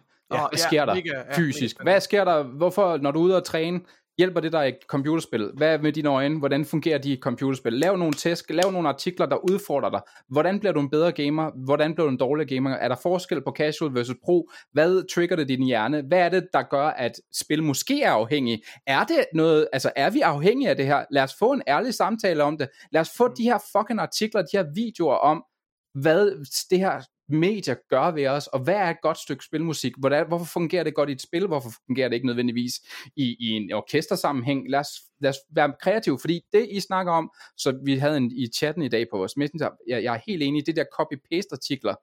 Ja. Øhm, grunden til, at det ikke fucking fungerer, det er fordi, jeg, har, jeg har et bud på, hvorfor det er sådan. men Ja, jeg- jeg- fordi det udkommer to-tre dage efter i Danmark, og det gjorde DR også, da de prøvede at eller skrive artikler. De endte også med at, at lave de samme nyheder to-tre-fire dage efter. Vi snakker også om ting, der udkommer to-tre-fire dage efter. Men vi har som regel set dem, fordi vi skal have dem her ud som vi på shortform video så hurtigt som muligt, føler jeg. Altså, det, det er derfor, der er så mange... I dag, der konkurrerer du ikke kun mod traditionelle medier. Du, du konkurrerer mod os, du konkurrerer mod YouTubere, du kon- konkurrerer mod TikTokere, du konkurrerer mod Twitch-folk, som forstår video. Så jeg synes, det ofte bliver ret støvet også med sådan artikler på nettet på den måde. Jamen, jeg er enig, og det, det der er problemet for Danmark, det er jo, at engelsk er, engelsk er vores andet sprog. Og det betyder, 100. at alle unge mennesker kan engelsk. De går på Twitter eller på YouTube osv., og så opsøger de selv nyhederne, som du siger, Jørgen, det øjeblik, de kommer. Og jeg tror, grunden til, at vi har, har opnået en eller anden form for succes her med arkaden, det er fordi, det er det, vi snakkede om før. Folk har ofte gjort sig bekendt med, med de forskellige emner, vi nu engang skal tale om, og så går de ind for at høre, hvad er jeres perspektiv? På samme måde, som jeg nogle gange gør med Altså, når jeg går ind og hører til Kind of Funny, hvad de nogle gange synes om, at, at uh, Activision er blevet købt af, af, af Microsoft, ikke? Mm. Øhm, og jeg, jeg tror også, at man skal simpelthen være hurtig, man skal sidde og holde øje med, hvad er nyhederne, men også selv opsøge dem. Mm. Må jeg fortælle en lille sjov historie, som, altså, som jeg var dybt chokeret over. Øhm, her i arkaden, der havde vi tilbage i januar, tror jeg det var, besøg af øh, Michael Fugt, som er hovedforfatter på IO Interactive. Mm. Og øh, der sker det i den her podcast, at han mere eller mindre bekræfter, øh, at Project Dragon, som nu er altså officielt øh, en ting, ikke? men det var det ikke på det her tidspunkt, at Project Dragon, det var ægte, og at de havde været i dialog med Xbox om at blive købt, øh, og han snakkede en masse ting omkring, hvad hans holdninger til James Bond-spillet her, som han sad og jo var ved at skrive. altså, der var så mange nye nyheder, ikke også? Og så skrev jeg rundt til øh, Game Reactor, som skal til deres credit skrev en artikel omkring det. Og jeg skrev også til nogle af de, altså til Pixel TV og så videre, vores venner der.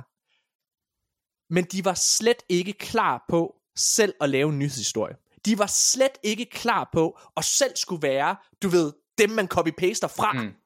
Mm. Og det var chokerende. Det viste simpelthen et eller andet omkring vores journalistik, i hvert fald i gamingverdenen i Danmark. Man står altså, ikke hvor... stå ind for noget. Nej, altså det der, jamen hvad, skal jeg gøre noget? Jamen, hvor kan jeg fact-check det her? Jamen det er her, du skal selv gå ind. Altså, og det er bare der, hvor jeg bliver træt.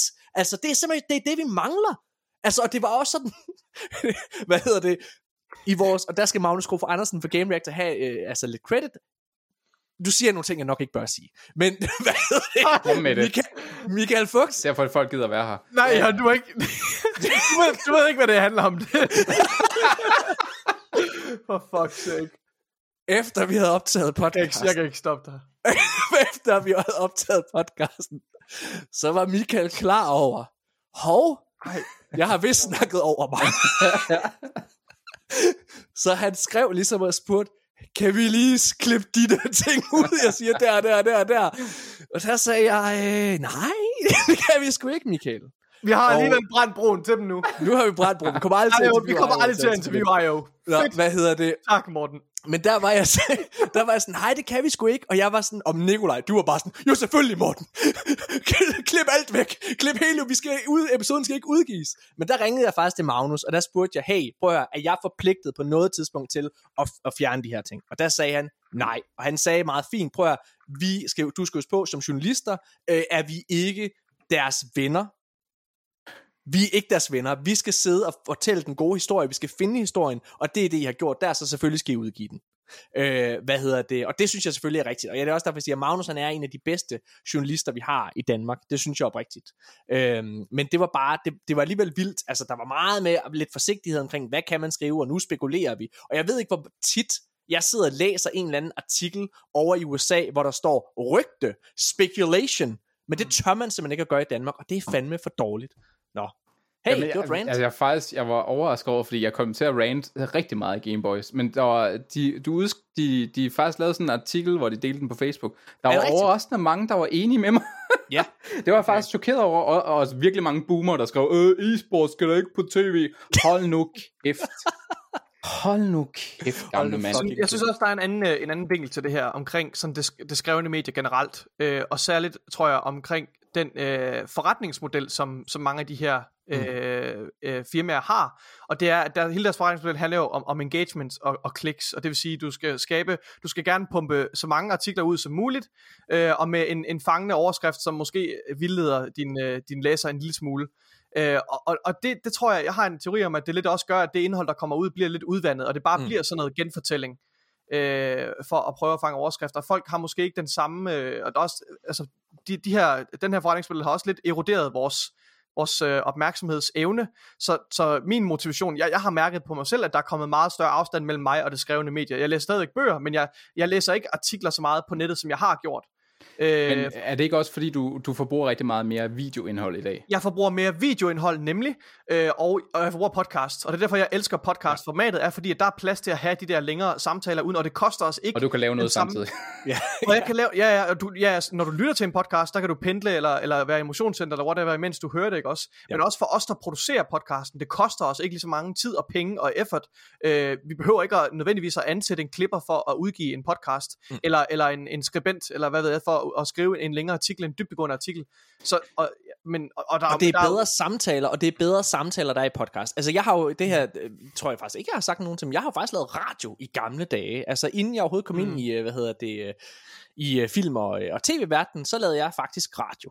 Jeg var væ- væ- vært på noget, der hed Radio Charlie i Varde, hvor jeg kom fra, hvad hedder det, og jeg, jeg lavede sketches for, og, og noget morgenradio for noget, der hed VLR i Vejle, øh, for, for lang tid siden. Og jeg havde det. Jeg havde, ja. Altså jeg havde det ikke at lave radioen, for, men jeg havde, at jeg altid var så begrænset. Alle, jeg havde sindssygt mange sådan, øh, hvad hedder det, kendte inde, som, øh, som, som sketches, øh, sketches, eller uh, gæster i de her sketches, eller de her små samtaler, og det hele var så kort, man kunne aldrig nå at, altså at have en dyb samtale, man kunne aldrig nå at komme ind og røre ved noget af det vigtige, der hvor det rent faktisk gjorde ondt, eller blev spændende, men det kan man i en podcast. Det er også derfor, de er fucking tre timer, de her fucking podcast, ikke? Men, men nej, altså det kan man, og, øh, og det synes jeg bare, øh, det mangler man, og det er også det, igen, øh, Gameboys lider en lille smule under, de er, og, og det er jo ikke deres skyld, men der er de underlagt det her, det kun må være en time, Mm. og, ja, og det jo sjovt, Ja. Der er altid lidt start, lidt startup. Det kan man også mærke i vores podcast. Vi bruger lige en halv time på sådan lige at komme i gang, og så begynder vi at Ja. snakke om nogle emner og så videre der. Ja. Da det var, at du var inde der, der kunne man også mærke, det var efter 30-40 minutter, så begyndte I at have nogle samtaler, hvor det rent faktisk var spændende, og så stopper I lige der, Ja, hvor man har lyst til, at det, Det skal nok. fortsætte. Okay, ja. hvis vi må kaste troldspejlet endnu mere under bordet, Gør det. på det sidste, så et, jeg tror, en af de store problemer ved troldspejlet, det er også, at det er på godt og ondt, jeg har arbejdet på DR, full disclosure. Mm. Altså, de har, de har været der i 30 år, og de har ikke noget, altså, der er ikke noget konkurrence udefra. Man be, de behøver ikke på nogen måde at se ud fra den der øh, bastion, som, som DR er, så de, de har ikke skulle tænke nyt tidligt nok. Og jeg føler, at der mangler de der sådan Johnny Harris-agtige yes. videoer fra YouTube, hvor man går dybt ned i materien. Hvad er gaming? Hvad er det her? Og så præsenterer det på en fed måde, så folk fucking gider at øh, engagere sig med indholdet.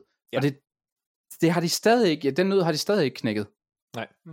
Jamen, jeg er fuldstændig enig. Øh, noget, Ryst vi heller ikke... rosen. Jamen, jeg, øh, altså prøv at, det er jo også, der er, et eller andet, der er et eller andet mærkeligt ved, at et medie, som er så ungt, som øh, gaming jo er, øh, altså at vores frontfigur i Danmark er øh, den ældste i hele verden, altså Jakob Stelmann, som jo ikke Og han har gjort spil. rigtig meget, ja, og han har ikke rørt et spil i tusind år, du har helt ret. Nej, øh, så ja. Og vi prøver ham op på en pedestal, og han fortjener også rigtig meget af det. Hey, jeg kan godt Nu er, vi bare, Ja. nu er vi bare sure over, at han ikke gider være med i podcasten. Jeg har spurgt ham! Han havde ikke tid, det er fucking røvhul!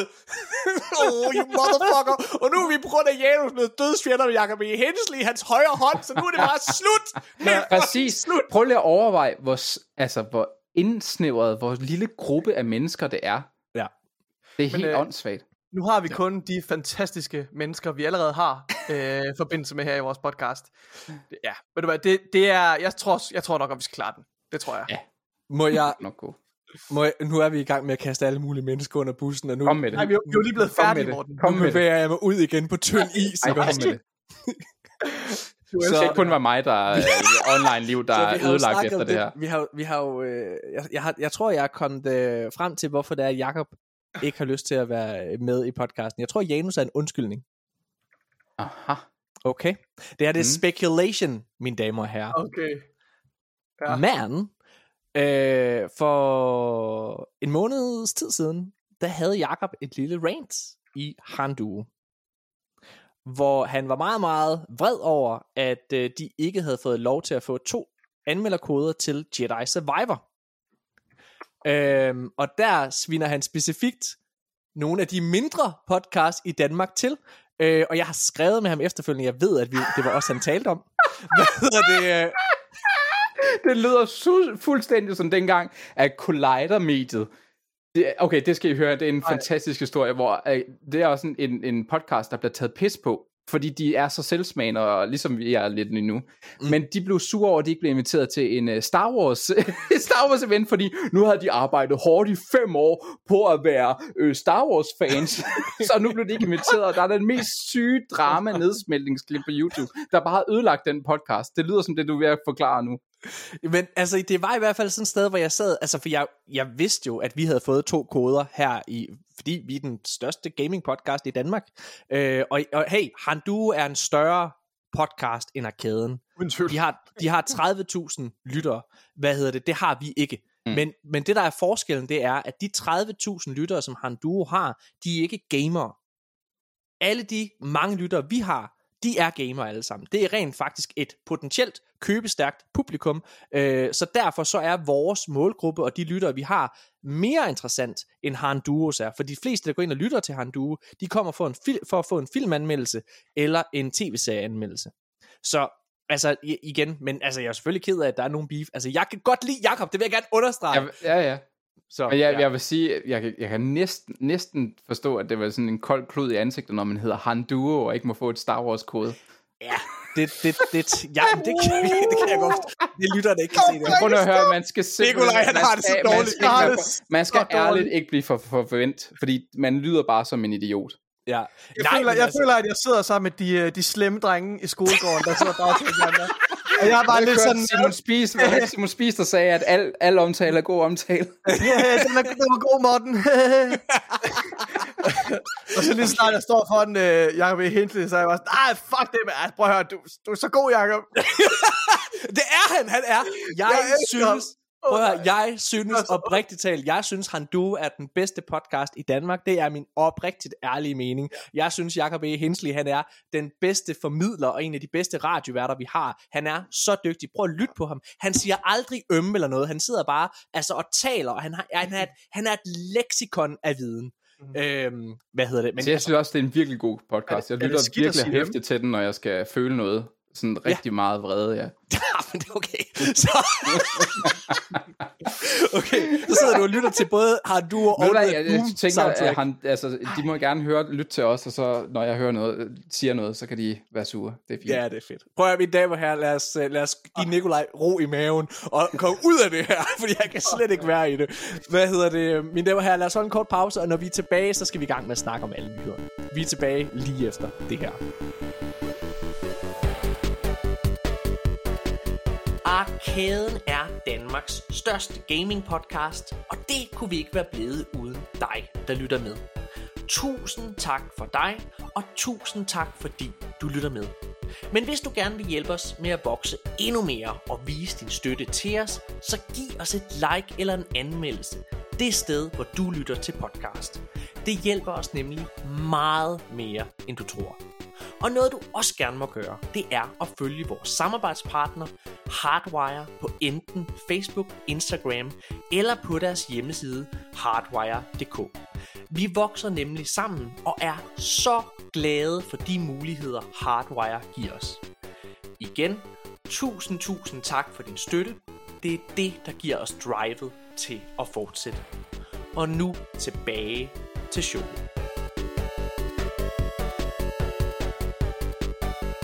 Ja, mine damer og herrer, så er vi tilbage igen, og øh, nu skal vi i gang med det. Vi skal snakke omkring nyhederne, og øh, det har jo været, som jeg sagde i starten af podcasten, så, øh, så har der lige været San Diego Comic Con, øhm, og nogle af de titler, der har været over, det har været Marvel Spider-Man 2, som, øh, som jo snart kommer til, øh, til PlayStation 5, øh, her den 20.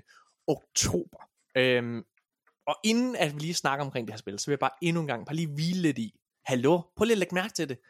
Vi snakker ikke om Activision Blizzard som det første her i nyhedssektionen. Her. Vi skal ikke bruge en time af vores tid på at sidde og, og, og snakke omkring det. Det er fandme, det er fandme crazy. Jon, altså, nu gør vi det så åbenbart alligevel, for jeg spørger lige ind til noget. Hvordan, øh, du er den, der har været størst modstander af den her deal her. Hvordan har du det nu, bare taber? Nej, jeg vil, bare, jeg, vil bare, jeg vil faktisk bare spørge sådan, altså, hvordan, øh, ja, hvordan har du det nu, din taber? Så du, så du det der meme der, du blev tagget i forleden dag på Facebook, hvor at, øh, at Microsoft lige købte en ny plante, og som så planten det så Activision Blizzard, så går den over til de andre planter, som bare er visne, og bare håber på at få noget gødning og noget liv, som er Rare og alle de andre firmaer, de har købt igennem tiderne. Ja, jeg ignorerede den. Og så, grinte, og så grinte jeg lidt af, at Riot øh, er vist kommet ret langt med deres MMO-RPG, og jeg tænker også, når de kommer med det, og, og, og så tror jeg også, at WoW dør, når det der.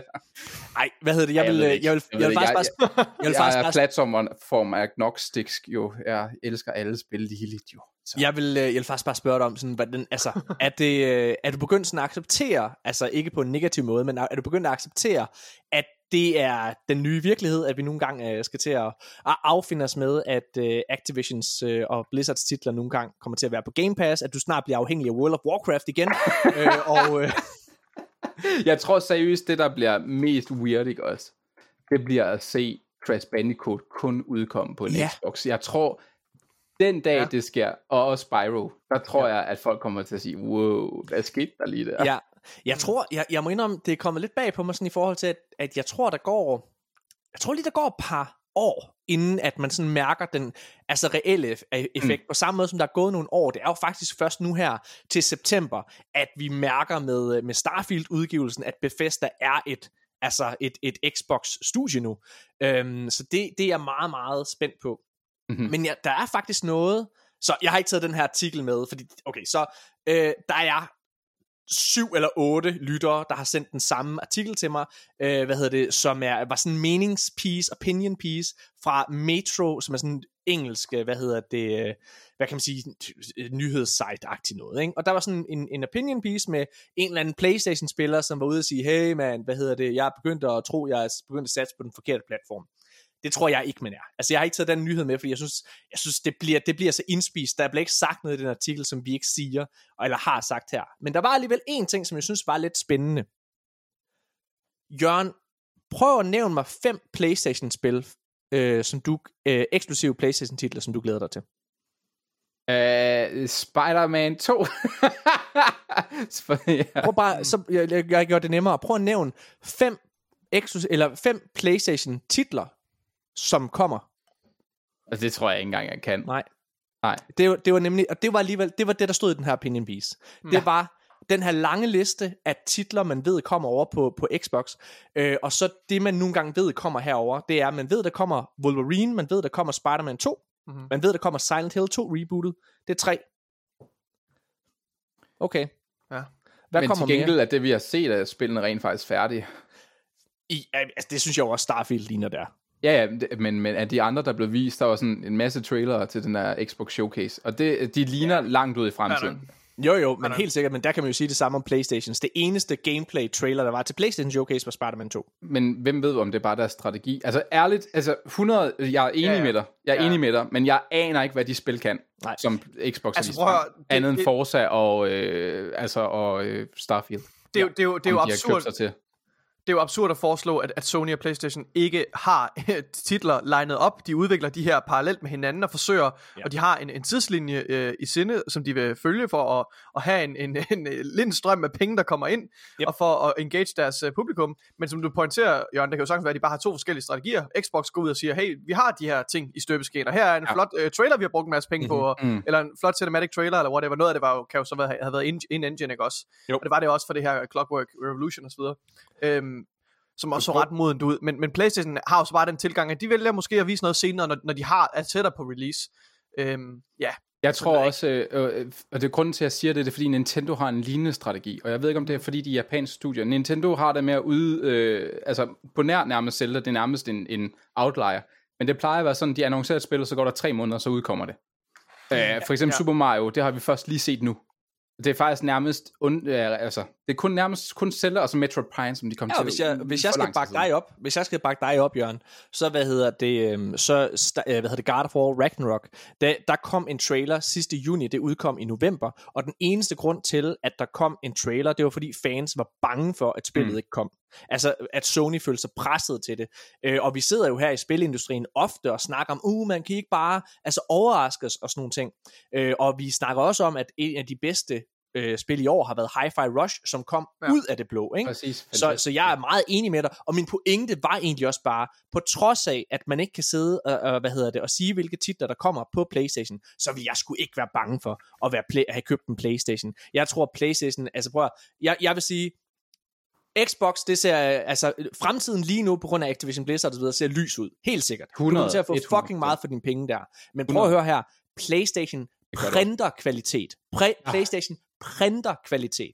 Øh, Jeg var og hvad- faktisk inde og undersøge noget, før vi gik live, fordi jeg Ja. synes altid, det er interessant at se, kan man finde ud af, hvor meget hypen er Ja. på de her spil. Fordi vi har snakket øh, privat sammen, mig og dig, øh, Morten, hvor jeg har sagt, at det kan godt være, at Starfield, det er virkelig, virkelig stort, det er det, men øh, Spider-Man er nemmere at sælge, fordi yep. folk ved, hvad Spider-Man er. Så jeg var inde og søge på trailer, de nyeste trailer, og Spider-Man, bare sådan 8 dages trailer, siden jeg har fået for latterlig mange visninger i Mm. forhold til Starfield. Så der er altså noget andet hype Okay, hos ja. lægmanden, hos casual gameren for Spider-Man, så de skal Jamen, nok jeg- få salgt masser af konsoller.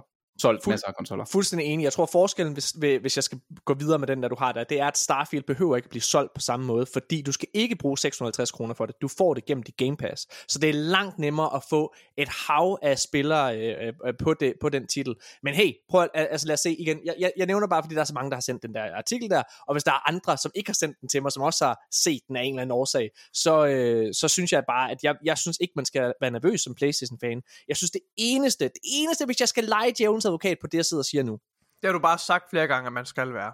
Bør være. Ja, Right? jamen jeg kommer til den nu. Okay.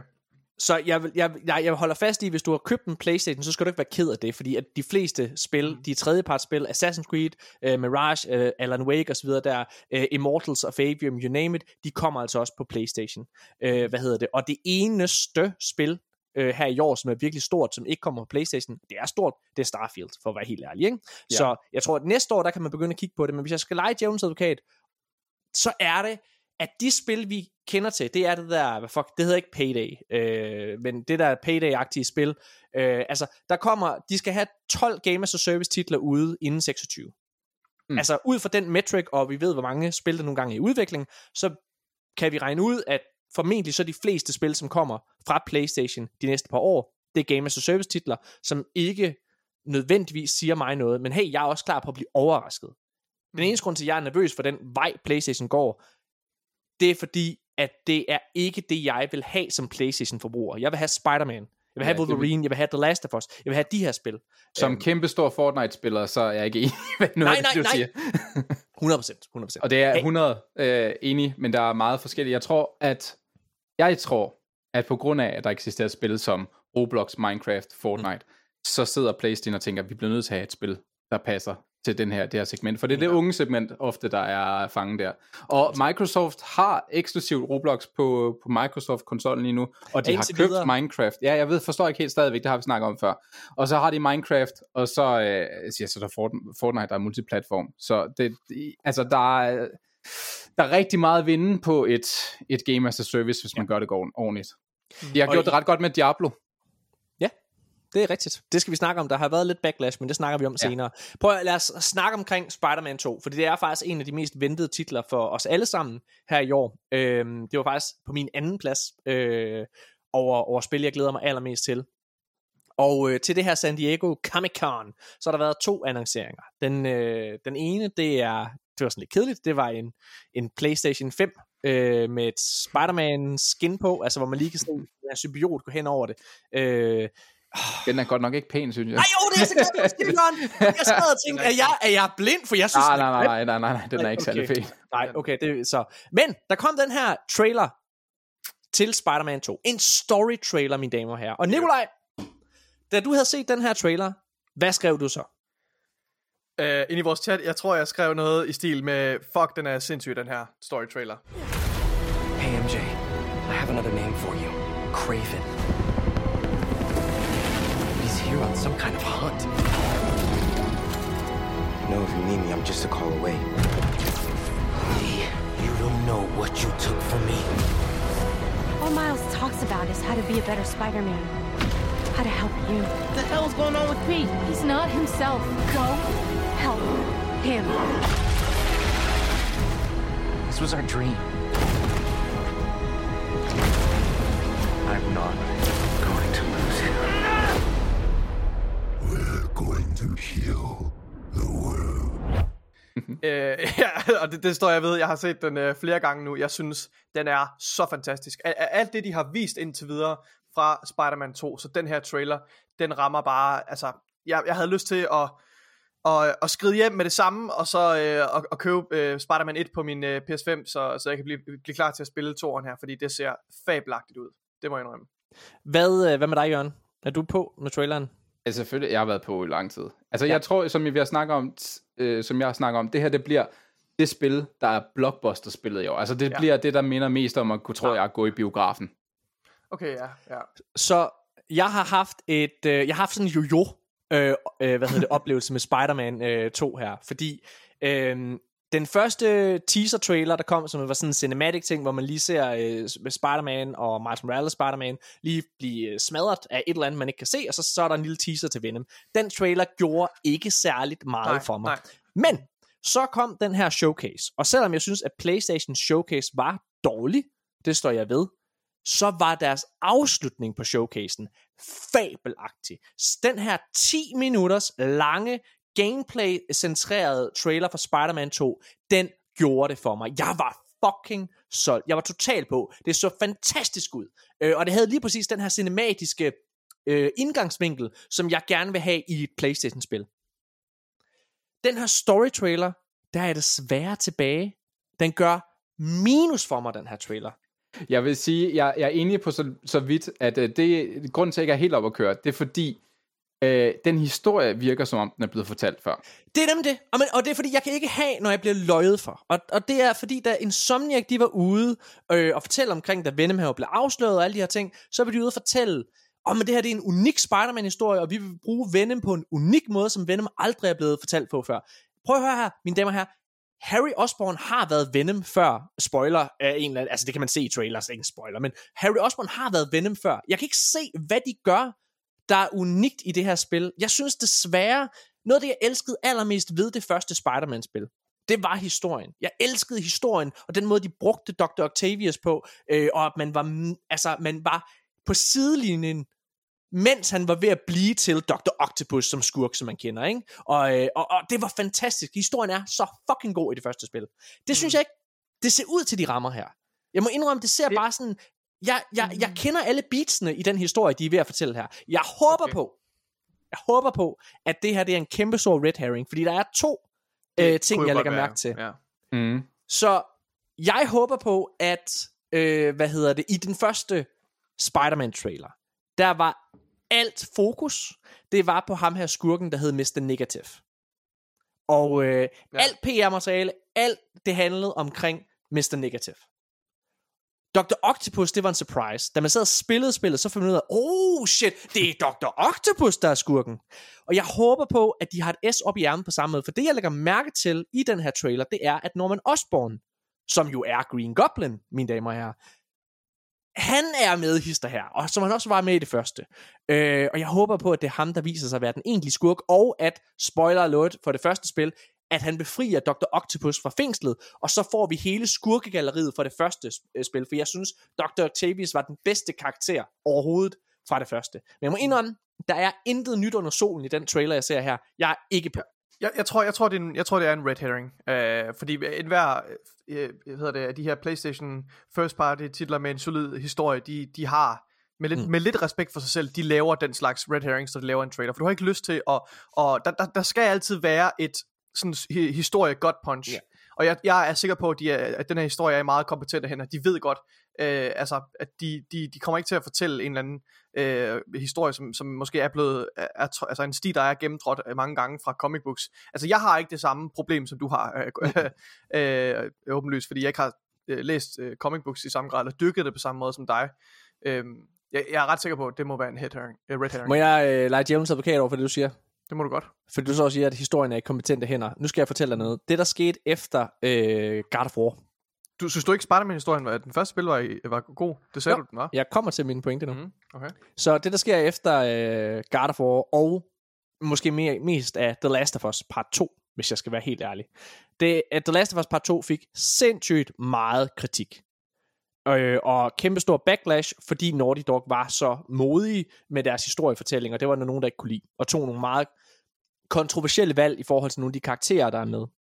Øhm, så God of War Ragnarok var ikke en særlig god historie. Den var så safe, som man overhovedet Slutningen, kunne være. slutningen var ikke en særlig god historie. Hele var- historien var- ikke så god. Ja. Øh, historien var så safe, som den overhovedet kunne være. Ja. Øh, der var ikke de red herrings. Altså, jeg tror, når man sidder og ser trailer og så videre, der er ikke noget som sådan. Jo, der er lidt med, altså med skurkene, hvor man måske leger lidt, men ikke på en specielt spændende måde, må jeg Mm. sige. Så altså, jeg, jeg er sådan lidt, hvor modige tør de være? Ja, også fordi det er en franchise. Altså, PlayStation har jo sagt, at nu er der store franchise, det er PlayStation, det er God ja. of War, eller PlayStation, det er Spider-Man, og det er God of Mhm. War, øh, og Last of Us, eller ikke Last of Us, det er ikke sagt, men du ved, Uncharted, og nu i hænderne på et andet studie, whatever. Ja. Så, så, så der er måske færre, færre risici at løbe her, Ja. ja. som de tør tage med historien. Ja, goddammit, Morten Europe. Ej, jeg vil sige, øh, jeg vil sige, bare lige for at sige, altså God of War, Ragnaroks historie er Hey. fantastisk, men, og, og den, den historie, jeg troede, de ville fortælle Ja, hele ja. vejen igennem spillet, var fantastisk, men altså, at de så ikke har nosser nok til at gøre det, der skal gøres i slutningen, og det, de har lagt op til, synes jeg, igennem hele spillet, det er, ja, det var sgu noget af en skuffelse. Men prøv nu at høre her, vi giver den stadigvæk 6 ud af 6. Ja. ja, Så vi skal ja. holde vores kæft. Må jeg sige noget ved traileren, jeg faktisk synes er, er virkelig fedt?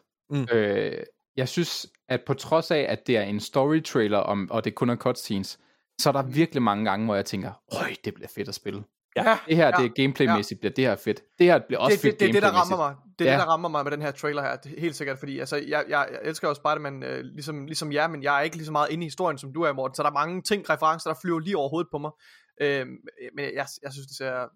Men det er også derfor, jeg er på den her stadigvæk. Altså, og det er fordi, den der lange 10 minutters gameplay trailer til der showcase, den solgte mig. Der, altså, mm. alt så bare fedt ud. Øh, ja. Og jeg, jeg glæder mig, jeg synes også, de skurke, der bliver præsenteret i, øh, i, i, i traileren og i, i den, forrige med Lizard og så videre, ser fedt ud. Altså, jeg, jeg er totalt på. Øh, men, men, men den rammer mig ikke helt. Jeg håber, at de mm. overrasker mig. Der var én ting, jeg havde, og nu må jeg bare komme ud med det, okay? Kom så, med. ham, der spiller Peter Parker i øh, Spider-Man, Mm. jeg, jeg kan simpelthen ikke huske, hvad det var. Jeg tror, det var noget rettighed til hans ansigt, Nej. som de Nej, ikke... det var, det var endnu værre. Okay, fortæl, hvad det var. Så, så, så det, de gjorde, det var, altså, så vidt jeg forstod på det, så ville de have, han lignede mere øh, Peter Parker fra, altså, hvad, hvad hedder han? Øh, Tom Holland, det er rigtigt. Tom Holland, det var ja, det, de det var. have, han lignede ham mere. Og jeg forstår det ikke, fordi han, han så unik ud, den anden. Nu ligner han bare en eller anden dude, synes jeg. Han ser... Jeg, jeg, jeg, jeg, Jeg min datter har lige... ændret hans ansigt, men Mi- det synes jeg er tragisk. Nu ringer Morten Mønster. Giv mig lige... Nu tager jeg den her midt i podcasten. Okay. Hej Morten Mønster. Jeg sidder og optager podcast lige nu. Nå, okay. Jeg har bare været på optagelse hele dagen, så jeg ikke lige kunne tage den. Ej, men det er så fint. Skal vi aftale? Vil du sige... Jeg tror, du er lige, din, øh, din, du er lige nede ved mikrofonen. Vil du sige hej til ly- arkadens lyttere? Ej, skal jeg det, Morten? okay. okay, hej. Arkadens lyttere. Jeg håber, I har det dejligt og får spillet nogle spil og snakket om nogle spil. øh, altså, jeg personligt kender jo vildt meget til Minecraft. Øh, og også spillet Runescape i de tidligere dage.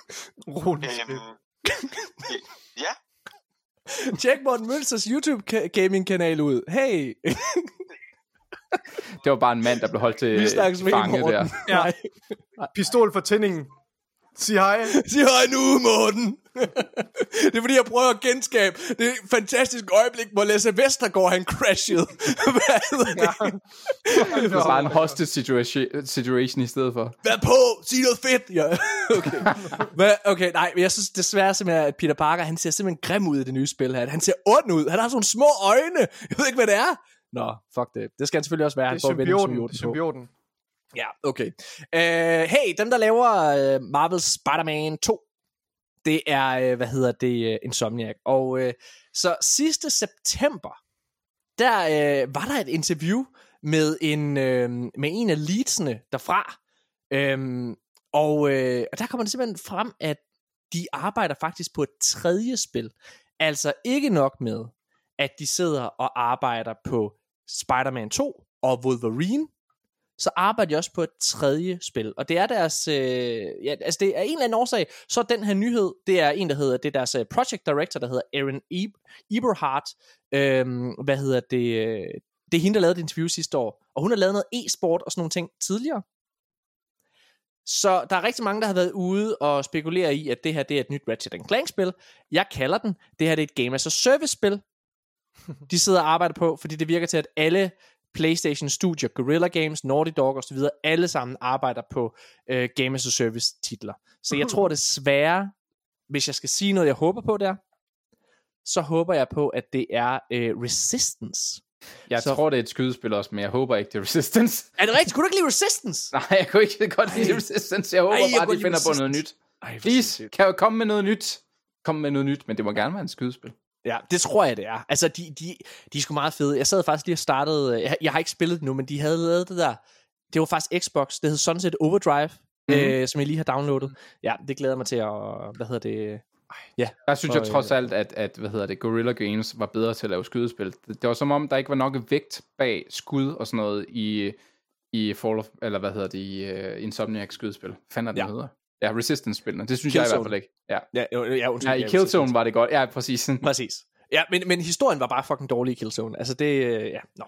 Anyways, jeg tror, hvad tror I der? Tror I det er Ratchet Clank, eller et... Øh, De har erfaring med skydespil, og de mangler nogle skydespil på den platform nu. det er nok det. Um, så det har været rygtet længe, øh, at der kommer det, man kalder en PlayStation 5 Pro. Og det øh, ser nu ud til at være ret ægte. Øh, der er en øh, journalist og leaker, som hedder Tom Henderson. Han, øh, han har lavet en lille hjemmeside, hvor han sidder og snakker omkring alt det, han ved omkring det. Du ryster lidt på hovedet. Øh, Jamen, jeg synes, altså, det, jeg, åh, jeg synes, det er noget mærkeligt noget, fordi øh, det, der får mig til at rynke på panden, det er, at de vil reklamere med, at det er en 8K-maskine. Det tror jeg simpelthen Nej, ikke det er Okay, så lad os, lad os lige prøve, lad os, lad os fortælle mening. nyheden til, til lytterne. Ja, kom med Øh, det. Så, ja, præcis. Så Tom Henderson, pålidelig kilde, eller liger i hvert fald, han, altså, han er rimelig uh, troværdig. Han har lavet en hjemmeside, hvor han sidder og snakker omkring alt det, han ved omkring den her maskine, og den skulle efter sigende blive annonceret ret snart. Og Nikolaj, du er den, der har sagt mindst. Vil du prøve at fortælle lidt omkring, hvad det er, den her maskine har, du har, øh, og faktisk De har gemt al min energi til den her nyhed, Morten. Fedt! Ja, As for the as for the console's performance targets, and to be expected, the PlayStation. Okay. as for the console's performance targets, as and as to be expected, the PlayStation 5 Pro will be targeting improved and consistent FPS at 4K resolution, uh, a new performance mode for 8K resolution and accelerated ray tracing. Jeg går ud fra, at de mener sådan noget hardware accelerated ray tracing. Yeah. Uh, whether or not uh, a PlayStation 5 Pro console is desired enough in the current market remains to be seen, but as of writing, the PlayStation 5 Pro is in development and is targeting a November 2024 release date. Yes. Så der er jo for- alligevel mere end et år ude nu. Nej, der er jo der er et godt stykke tid. Så for at, opsummere, for at opsummere, hvad det er, du siger, så ja. det her det er en maskine, som kommer november næste år, øh, så de åbenbart kommer til at holde det her kørende med, at hver november, så har de noget nyt hardware. Ja. Til november nu, så er det deres håndholdt remote play, øh, hvad hedder det, øh, måske en maskine, Slim, som eller en PlayStation modular øh, re, ja, redesign. Kommer Og hvad hedder det? Og så den her øh, Pro-maskine her, den skal åbenbart kunne køre 8K, øh, hvad hedder det, native. Den skal kunne øh, have en helt ny performance mode øh, og bruge ray tracing. Og det, der er lidt spændende ved det her, det er for det første, altså 8K, det er de færreste, der overhovedet har 4K-fjernsyn i dag, ikke? Ja. Øh, hvad hedder det? Ja, i hvert 4K fald- fjernsyn har alle, men... 4K monitor, ja. sorry, var det jeg prøvede at sige, når man sidder og spiller. Mm. Men hvad hedder det? Det er de første, der har en 8K monitor, øh, eller fjernsyn, ikke? Og øh, derudover, så øh, er det sgu lidt spøjs, fordi deres originale 4K-boks, eller undskyld, jeg, jeg famler rundt med sige mine ord. Deres originale pakke til PlayStation 5, den reklamerer også med, at den skal kunne 8K. 8K, ja. Det er også Og- det, fordi det er jo bare udgangen. Altså, kan, altså hvis de lover 8K, ja. hvad er det for noget 8K? Kan den afspille 8K-videoer? Kan den, Altså, altså, hvad, hvad den kan? Helt, helt seriøst, jeg tror, min, jeg tror bare... Min grafikkort understøtter 8K. What? Jeg tror seriøst bare, det er et spørgsmål om, at det her HDMI 2.1 format ja. I princippet understøtter 8K i 60 frames per second. Det, Ja. det, er, den, det, er, den, øh, det er den mængde data, den er stand til at sende i sekundet, ikke også? Jeg tror, jeg tror seriøst, Ja, det må det, har aldrig været et, et, et, et mål, der har været uh, realiserbart. Og bare lige for, og det er fuldstændig rigtigt, hvad du siger, Morten. Det her med at reklamere for 8K giver ingen mening. Du reagerede også på det med det samme, Jørgen. Det, det lyder helt forkert, fordi det, Ja. det må det være. 8K er ikke, altså ikke engang rigtig øh, realiserbart for en øh, high-end PC Nej. lige nu. 4K i de fleste formater, ikke også på øh, i nye spil på en, en high-end PC med 4090 grafikkort, ligesom det monster Jørgen Bjørn lige har bygget til Ja. 30.000. Det, det er knap, ja, det er realiserbart med, med sådan en opstilling, men der er vi fandme ikke med konsoller Nej. overhovedet ikke. Det, altså, øh, det, det, det, er, det, det bliver altså ikke realistisk før om meget, meget lang tid. Og Hvis jeg må underbygge øh, Nikolajs... Øh, øh, det, der, det, der er vildt ved det, det er, at man skal huske, at fra Fuld HD til 4K, der er der fire gange så mange pixels. Vi taler ikke om en do- fordobling, det er fire gange. Og fra 4K til 8K, der er der igen fire gange så mange pixels. Det er ikke en fordobling. Og mit 4090-kort, altså det kan køre sikkert et eller andet simpelt 8K, et eller andet whatever, eller et eller andet vildt i 30 fps og 25. Men de lå også, altså det der, det vi skal forstå lige nu, det er, at vi har konsoller, men vi har også den teknologi, der hedder ray tracing. Og ray tracing er sindssygt dyrt for dit grafikkort at køre. Mm. Så hvis du også skal have det med i den her, øh, altså den her udregning, så bliver det fuldstændig umuligt at nå derop. Jeg, som, jeg som du siger, Jørgen, der er, der er et hardware-budget, så at sige, ikke også? Ja. Med, med hvad der, og du kan ikke få det hele. Hvis du vil vise et billede i 8K, så kan du nok kun gøre det, som du siger, i, jeg ved ikke, hvad du har prøvet med, med 90 eller det opstilling, du har, men ja, 8K, 30 frames per second. 30 frames er, ikke, er for mange mennesker ikke nok øh, så, så vil 8K ikke rigtig være en Og i et simpelt spil sikkert. Altså, jeg har ikke prøvet det i 8K, ja. for det har ikke været noget, jeg har haft lyst til. Og, og særligt ikke et spil, der, der har en meget, altså, øh, hvad hedder det, øh, som, som kører på en moderne grafikmotor, som med alt det her gimmicks med, med ray, ikke en gimmick nødvendigvis, men med ray tracing og alle de her ting, det, det, der, der er bare ikke plads til det i, i konsol øh, performance budgettet. og, og hvis jeg skal bakke, altså, øh, hvis jeg også ja. sådan skal underbygge hele det her problem her, så er det lidt, da, da, da PlayStation 4 Pro udkom, så var der trods alt en eller anden form for mening med galskaben, fordi det var der, hvor 4K TV, Nikolaj, som du understregede, var begyndt at være allemands eje. Der var folk, der gerne ville drage nytte af at kunne bruge 4K, og så kunne man det ikke helt alligevel med, med PlayStation 4 Pro. Men der var et salgsargument. Altså, der var et salgsargument på, hvorfor skulle du have en Pro? Jeg var ude at investere i en. Jeg, jeg, jeg fandt ret hurtigt ud af, at det kunne jeg godt have undgået, eller det kunne jeg godt have undværet, fordi at alle spil jo ikke bliver optimeret til den maskine. Tværtimod, så bliver de optimeret til PlayStation 4 på samme måde som God of War Ragnarok øh, og øh, Horizon Forbidden West primært faktisk blev lavet med henblik på, øh, at de også skulle kunne køre på en PlayStation 4. Ikke? Så altså, den nye hardware holder, altså, holder måske bliver, holdt tilbage på en eller anden måde. Jeg, jeg tror, spændt... hvis jeg skulle tro på noget af, af de her ting dog, så tror jeg stadigvæk, det er stabil 4K og mere raytracing, tror jeg gerne på. Øh, og så den anden grund til, at det skulle udkomme en næste år, det er fordi, det er 30 år siden, at øh, PlayStation 1 udkom. Helt sikkert. Jeg, jeg, jeg tror på, jeg tror på, at det er svært at finde argumentet for at købe den. Altså ikke bare de årsager, I lige har sagt, men også budgetmæssigt. Altså PlayStation 5 er i forvejen. Jo jo, jeg er med på, at der er rigtig mange, der har en PlayStation 5 og så videre der. Men den er i forvejen så dyr, og noget af det, der altså, man i hvert fald har kritiseret Sony for, det er jo, at den har kostet så mange penge. Den her, den kommer til at koste mere. Det er tydeligt. Jeg, jeg tror, det, der er en anden maskine, som de er i gang med at, at, at arbejde på, som jeg tror bliver en større sælger, og det er en slim version af det.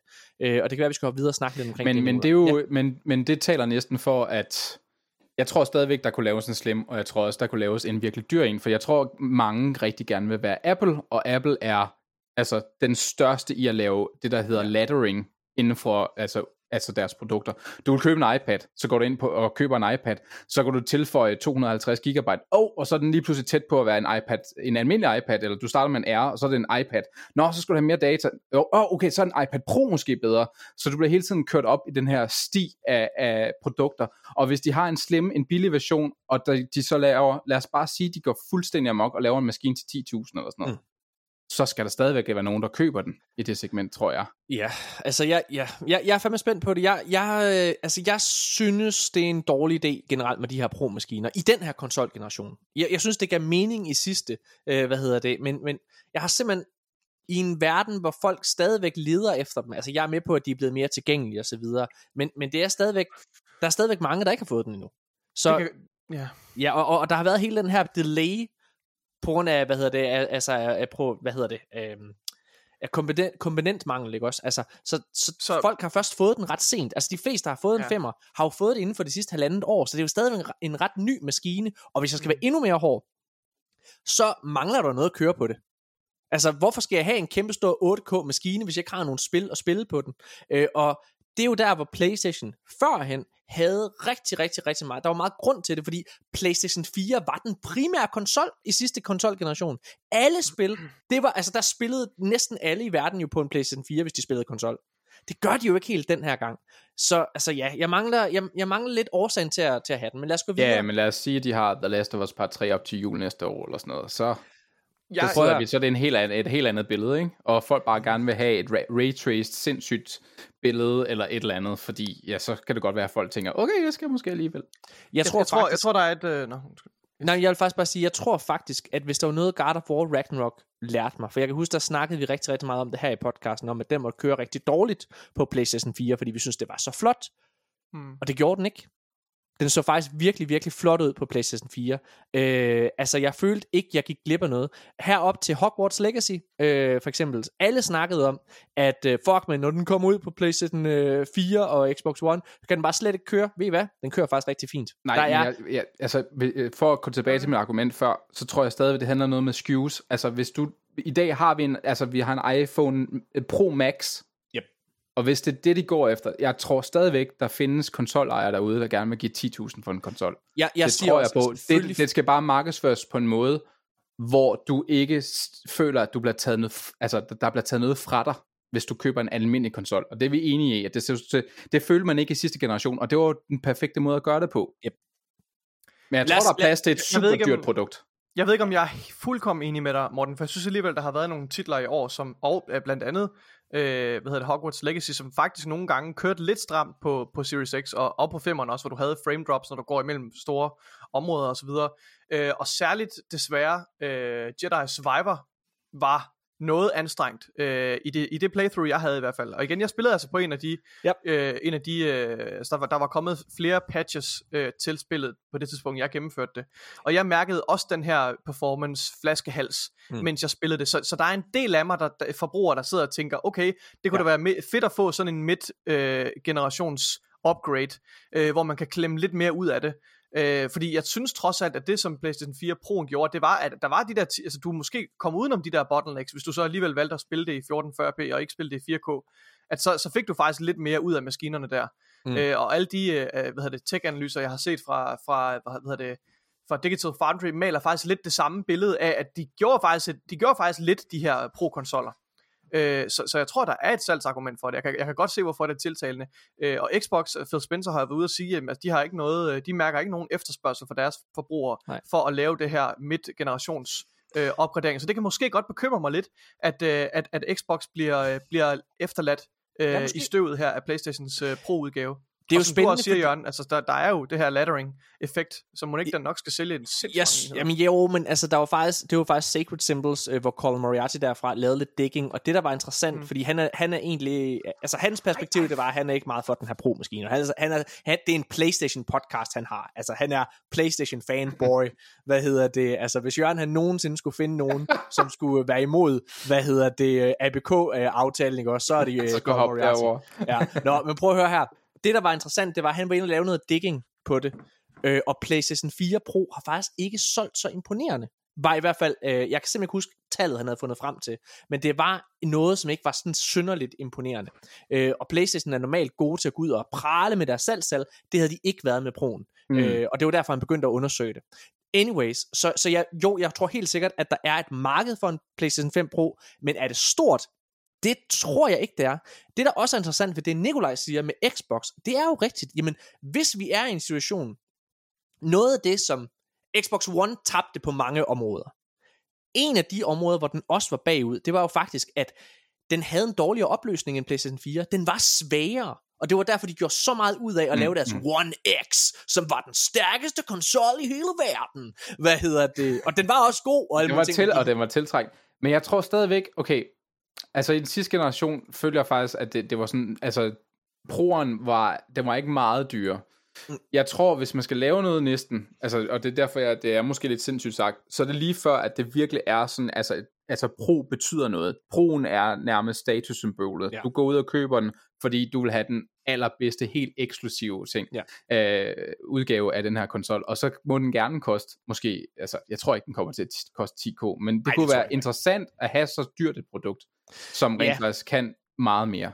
Altså man kan i hvert fald se på deres øh, PlayStation VR 2, som jeg synes er et rigtig godt produkt, men det var jo noget, hvor alle sagde, prøv at hvis I tager mere end 2.000 mm. Kroner for det, så skyder ja. jeg selv i hovedet, og så sagde øh, PlayStation, hold my beer, hvad hedder det, 5.000. Jeg tror ærligt, jeg tror ikke, de har kunnet gøre det billigere. Det er det, der Nej. er deprimerende med det produkt. Ja. Jeg synes virkelig, den er, jeg synes virkelig, det er et undervurderet øh, VR-produkt, og jeg er ked af, at den ikke sælger øh, mere og, PSVR 2. og hvis du kan skaffe MetaQuest 3, så, siger jeg, så vil jeg gerne anmelde det. Så. Jeg, øh, jeg, jeg har jeg, bare en lille øh, hvad hedder det, ting med det der med Xbox, fordi Xbox er interessante, fordi at de har jo satset rigtig meget på deres Series S. Og det er jo en, en væsentlig svagere maskine. Så jeg, og man kan sige, det, alle store AAA-udviklere, de har jo på en eller anden måde, de, de er jo presset til at udvikle til dem. Altså spillene skal kunne køre på den.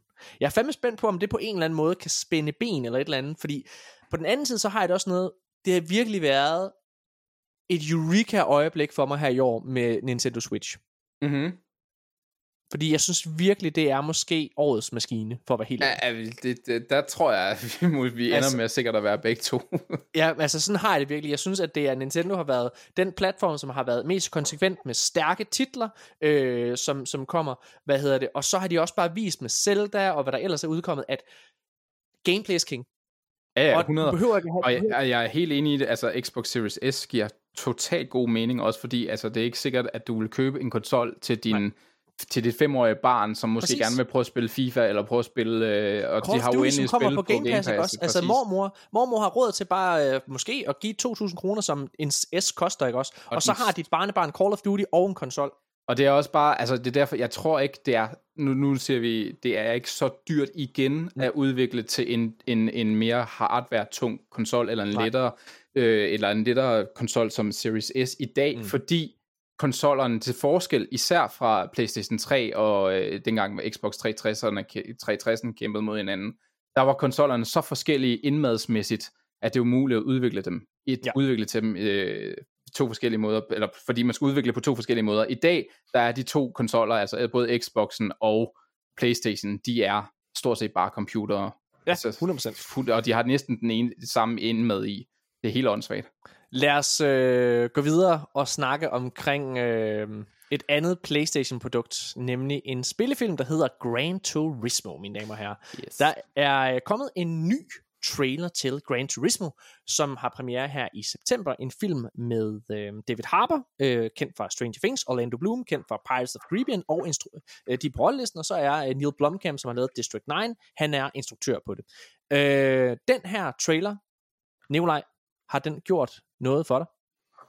Øh, ligesom alle andre trailer og alt andet indhold, der er blevet vist om den her Gran Turismo film, så gør den ikke rigtig noget for mig. Jeg føler også lidt, det er bare et rehash af de, af de senere, af de tidligere mm. trailers.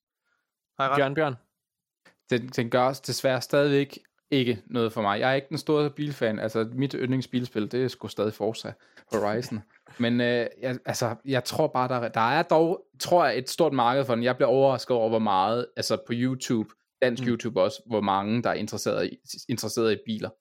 Så det kan godt være, at den har et marked. Det er ikke, det er ikke en film for mig. Jeg, øh, jeg synes, det her det har været den bedste trailer, der har været for Mm. filmen. Ja, øh, altså at, at trailer 2 her. Øh, jeg synes ikke, den så forfærdelig ud. Øh, jeg er ikke solgt på den. Jeg, jeg, der er... Okay, så nu skal jeg fortælle jer, hvad jeg hader ved den her. Fordi jeg synes faktisk, der er rigtig meget. Jeg hader to ting. Jeg hader, at, at traileren afslører hele filmen for mig. Det hader jeg. Jeg hader, jeg hader når trailer gør det. Øh, helt seriøst, jeg, jeg, når man, det er den der type trailer, når du, når du har set den, så føler du lige, at du har fået et resume af hele filmen. Yep.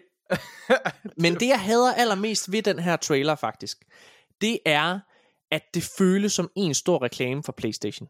Og nu skal jeg fortælle jer, hvad jeg, øh, hvad jeg mener. Øh, det er jo baseret på en sand historie med, øh, hvad hedder det, nogen, der sidder og spiller Gran Turismo, øh, og så ender de faktisk med at være skide gode til at køre racerbiler i virkeligheden. Og det er jo en, det er jo en fed historie. Helt vildt. Men det der er, det der er usmageligt ved det, det er, at, øh, hvad hedder det, altså for det første hedder, øh, altså det handler om spillet Gran Turismo, som Playstation har, men så fuck, og, og det, det kan jeg godt købe, den præmis, så langt så godt, men på selve den racerbil, som hovedkarakteren har, og på hans hjelm, så er der et Playstation logo. Og det kan jeg bare ikke have. Jeg må indrømme, det bliver simpelthen bare, så bliver det bare klamt. Og det så, så altså, fordi man kan sagtens gøre det her på en, på en god måde. Altså, Lego-filmen er jo på mange måder en kæmpe stor reklame for, hvad hedder det? Morten, For, Morten, hvordan havde du det i The Last of Us 2, da der var en, der spillede på en Vita og spillede Hotline Miami? jeg føler ikke det. Jeg føler, det er noget andet. Jeg føler faktisk, at det er sådan lidt et nostal, nostalgisk, hvad hedder det, øjeblik, fordi det er en konsol, der ikke findes længere. Nu der prøver de ikke at dig- sælge nu mig. dig Ja, ja, men det, der, der, føler, der så prøver de ikke at sælge mig på et produkt, hvor det er, at her, der er der bare så, så. Playstation ud over det hele, og det må jeg bare synes, det synes jeg bliver sådan lidt for meget. Jeg ved ikke, om I havde det på samme måde. Uh, ja, det var faktisk, det her, ærligt, det var det første, jeg sagde til min kæreste, da jeg så den her trailer, for vi så, øh, ja, det var faktisk den første trailer, vi så sammen. Og øh, så sagde jeg, jeg synes, det er lidt usmageligt, det der, det, der er logo over det hele. Så sagde hun, ja, men jeg synes faktisk, det giver mening lige i den her film faktisk, fordi det er, der er fandme banner over det hele, så hun havde mm. faktisk den helt omvendte hat på. Ja. Jeg synes Okay. stadigvæk, det er sådan lidt klamt, men hun siger, det, det er sådan, det er, når man ser racers, øh, racerløb. Fair nok, yeah. der, er jo, der er jo sponsorer på, der er jo altid en masse sponsorer, som bliver featured på de her biler. øh, og på dragter og så videre. Men- og men- men PlayStation det er noget har jo andet, nok, når- i når den det- her det er verden noget- har PlayStation og Gran Turismo jo nok sponsoreret noget til det hold her, der kører. Men det er jo noget mening. andet, fordi det her det er jo, en- det er jo, ikke, det er jo ikke en dokumentarfilm, du ser, Nikolaj. Det her det er jo en film, som PlayStation Jo, har det er betalt det er for. det er jo Men hvis sådan det, en- nu, hvis det nu var, at han havde et Gran Turismo-logo på i virkeligheden, i den rigtige historie, ved du, om han havde det? Nej, det ved jeg ikke, men det er også sagen Ja, de er jo sådan based on a true story. så de har jo prøvet- Kæft, de skal ikke sidde og forsvare det her. Nej, vi, Det er- vi leger bare djævelens advokat Ja, her ja, det er så fint. Det er så fint. Hvad hedder det? Jeg, altså, igen, for mig så var det lidt for meget, men igen, jeg synes faktisk ikke filmen, altså den her trailer så faktisk okay ud. Jeg sad og tænkte, måske er det en fin 60-stjerners, øh, øh, hvad kan man sige, oplevelse. Nu må Den er nok bedre end Uncharted. Måske. Hvad hedder det? Øh, Kan den kun være. Lad os gå videre.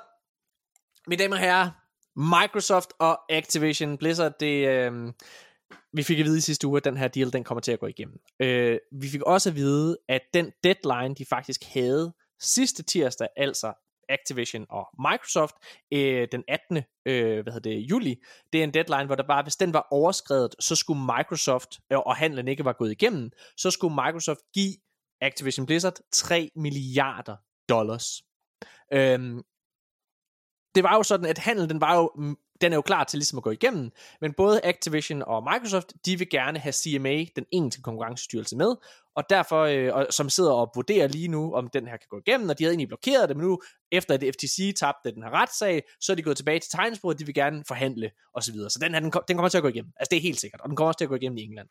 Øhm, så nu har de lavet en ny aftale, de har forlænget deres deadline, uden det koster Microsoft noget, men hvis det skulle ske, at den her deal ikke går igennem, så har Activision hævet beløbet, mine damer og herrer. Okay? Så den nye deadline er den 18. oktober. Men hvis dealen den, øh, hvad hedder det, ikke går igennem inden den 29. august, så skal Microsoft betale 3,5 milliard dollars. Hvis dealen ikke er gået igennem inden den 15. september, så skal de betale 4,5 milliarder dollars. Ja, det er, det er peanuts for Microsoft. Det er også derfor, Ja, det er at fandme mange penge. hvis det er, at CMA trækker tiden ud, og ikke får godkendt Det er en helt Bungie-deal. Ja, det er det, det er jo det, det er fucking sindssygt. Altså, det, det er, Er, er det det præcis- i differencen? Det er det Jamen, måske. det var jo det, altså 4,5 koster million, ja. milliarder dollars, det var det, PlayStation gav for Bungie. Det er Det er småpenge for Det Microsoft. er derfor, det er astronomisk. Det er et fuldstændig astronomisk køb, det her. Det, giver, det er helt vildt. Hvis det CMA ikke, hvad hedder det, accepterer den her deal, øh, så kommer den her, øh, så kommer de til at køre den udenom England. Det er helt sikkert. Altså, så lukker de den bare, hvilket de også er truet med at gøre. Så, Mm.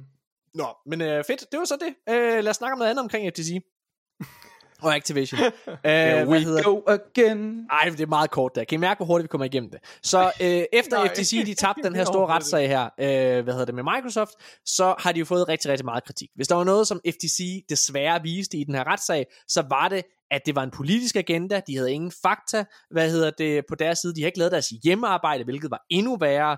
Og de gjorde sig, hvis jeg skal være helt ærlig, jeg sad og fulgte det med, de gjorde sig en lille bit smule til grin i den her retssag. Dommeren var inde og afbryde dem, og, altså, øh, og, og, og bede dem fremvise fakta, som de ikke kunne. Altså, det var helt rundt på gulvet. På baggrund af det her, så er der 22 republikanere øh, fra repræsentanternes hus over i USA, som nu kræver, at FTC fjerner deres blokering af Activision Blizzard-handlen. Nikolaj, vil du læse det her uh, citat op? Det vil jeg gerne. Det her det er fra et øh, brev, som er adresseret til Lina Khan, som er FTC's øh, forkvinde. Øhm, og det er fra de her, øhm, hvad hedder det, øhm, de her 22 republikanere. Ja, Okay. som, har, som har skrevet under på det her. Ja, præcis. Okay. Og der står, The FTC's case against Microsoft's acquisition of Activision is the latest in a series of actions that are clearly designed to impede legitimate mergers and acquisitions while ignoring decades of settled FTC practice across Republican and Democratic admi- administrations. Instead of protecting competition as Congress intended, the FTC has spent taxpayer resources seeking to block a deal that promises to expand consumer choice and in- insulate a dominant foreign company from competition. yes. Au, Og det er jo selvfølgelig Sony, der bliver talt om her til sidst. Så Jørgen Bjørn, øhm, hvad, hvad, hvad synes du omkring det her? For du har også rystet på hovedet af FTC, kan man sige. Er du Altså- enig med de her 22 republikanere fra repræsentanternes hus? Jamen, altså, den er jo gået igennem. Det er selvfølgelig egentlig ikke få det nu gjort færdigt for helvede. det, er, det er over, det er sådan, ja, det er sådan lidt sidste timeagtigt det her, ikke? Jo. Jo. Hvad med dig, Nikolaj? Har du et eller andet at sige til det? Jeg er ked af, at der ikke er nogen demokrater, der også har skrevet under på det. Ja, det var sådan, Øh, jeg det havde, det var vildt, ja. Du, tager Fordi min fucking jeg- jeg ord lige ud af munden. Jeg har sådan ja, ja. Et, et, et filter, der bare siger med det samme. 22 republikanere har skrevet, ja. og så tænker jeg, fordi helt seriøst, det meste af det, der kommer ud af repræsentanternes hus, ikke også? Det Yes. er fucking bile, Yep. der bare rusher ud med alt muligt. De, de prøver at, at, at, at ødelægge mænd med det, kvinders rettigheder, og prøver at nakke LGBT-communityen, ikke også? Så, så jeg er sådan, det her, det er jo, det er jo meget, øh, selvfølgelig meget enig i det her, og det virker som om et problem, og det påstår de jo ikke også, at det, eller de siger de jo, at det er noget politik, som har, øh, har kørt på tværs af, øh, altså i begge partier, ikke også? Ja. Øh, førhen. Øhm, så, så det undrer mig, at der ikke er støtte, at der ikke er sådan bipartisan støtte omkring det her. Det er så mærkeligt, fordi normalt, ikke også? Altså, prøv at, vi kommer fra Danmark. De, det er de færreste, der deler en, repub, en amerikansk republikaners øh, politiske værdisæt. Altså, vi, vi læner os jo langt mere op over, altså, om, altså over mod, øh, et, hvad, hvad der er en, en demokrat over i, øh, hvad hedder det, over i USA, ikke? Øh, og det er simpelthen mærkeligt, fordi den her deal, der er det som om, altså hvis man kigger for eksempel over i USA, lad os tage Colin Moriarty fra Sacred Symbols. Colin Moriarty, han er republikaner. Han siger, han ikke er republikaner, han er fucking republikaner, okay? Hvad hedder det? Han, han, han stemmer i hvert fald ikke demokratisk, lad os sige det sådan. Øh, og det har han selv sagt, han ikke gør. Men hvad hedder det? Det er sjovt. Han burde være imod øh, demokraterne. Det er det, han normalt er. Han sidder og bakker FTC og demokraternes pa- øh, perspektiver, Lina Khan, 100% op i det her. Alle demokrater over i USA, Destin Legary er et glimrende eksempel. Han er demokrat. Han bakker republikanerne op i det her, ikke? Altså, der er, det er fuldstændig omvendt land. Jeg ved ikke, hvad der sker. Jamen, Øh. nu må jeg, må jeg sige noget, som, som øh, det har ikke noget sådan egentlig med det her at gøre, men det er altid sådan, jeg tænker, når det har noget som helst med USA at gøre. I skal huske, der bliver brugt sådan 4,5 milliard dollars på, lo- på lobbyisme i USA. Ja. Så det er ikke er altid, sindssygt, ja. at når, jeg, når 22 republikanere øh, går ind og skriver under, så ved jeg ikke, om nogen har lavet research på dem. Igen, mm. journalist, er der ikke nogen journalister, der har set, hvad, hvem får de støtte af? Er det Microsoft, ja. eller hvordan ja. er det? Fordi fair, at der, jeg synes også, det er mærkeligt, at der ikke er demokrater, men det kan også bare være, fordi de ikke gider interessere, altså de interesserer sig for det, og de har lige har fået nogle penge af Microsoft til det at stille op. Altså, I don't know, I don't know. Men, men igen, altså, jeg tænker også, Microsoft og de store tech-firmaer er jo tættere på, øh, altså de er fysisk, altså, hvad hedder det, de, de befinder sig fysisk i de her blå, Californien. blå stater i Kalifornien, ikke Ja. også, som, hvor der er rigtig mange demokratiske øh, vælgere, så, så du ved, ja, er der, kan man ikke godt sige, at demokratisk politik også er lidt aligned med de der tech-giganter, eller hvad?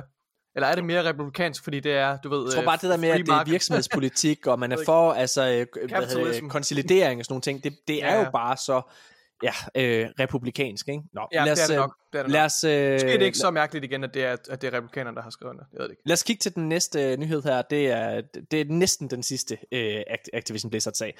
Øhm, FTC, de er på baggrund af al den her kritik, de har fået, så er de angiveligt i gang, øh, klar til at indgå et forlig med Microsoft øh, over den her øh, Activision Blizzard-sag.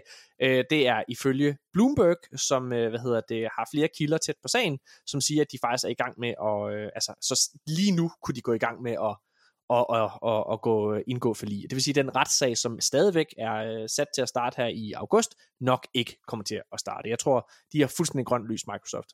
Så, næste nyhed, og det er den sidste omkring Activision Blizzard. Hey, Ubisoft! Øhm, Yves Gel- Yves Gelmons, som er øh, hvad hedder det, CEO øh, i Ubisoft, han øh, blev spurgt ved et earnings call her, øh, omkring hvad hans syn på øh, hvad hedder det, Activision Blizzard-handlen er, og øh, altså nu når det er, at vi lever i en verden, hvor flere og flere, hvad kan man sige, firmaer bliver opkøbt og så videre der, hvordan har han det så, altså hvad er hans syn så på at forblive uafhængig i, i en verden, der konsoliderer? Og Nikolaj, vil du læse et citat op her? Et lidt længere et, men som er lidt interessant. Og skal jo sige, vil at Ubisoft, øh, der går jo flere rygter om, at øh, Ubisoft er ved at blive købt, kan man sige. Um, og jeg vil gerne spekulere i, hvem det er lige bagefter. Nikolaj, I vil du think- læse det højt? Yep. I think it's good news that the transaction can go through because it's really showing the power of IPs and where the industry is going. So there will be lots of opportunities too in the future for all the companies. And it's also showing the value of IPs that uh, can now be on console and PC, but also mobile and become more worldwide brands. And when we say worldwide, it's really everywhere in the world, and that's a fantastic opportunity. And Microsoft is saying that the mobile part of the de- Activision deal is important. So all the investment we are making to be stronger on mobile uh, are also in line with that. So all those elements will help the value of the company to grow. Det var så anstrengende at læse det der, at jeg ikke rigtig fattede noget af det, han sagde, så jeg vil lade jer reagere på det. ah, men det, jeg ved godt, når der er sådan citater, der er bare, ja, hvor man har, har godt. transkriberet Jeg sy- nogen, der snakker, så er det virkelig...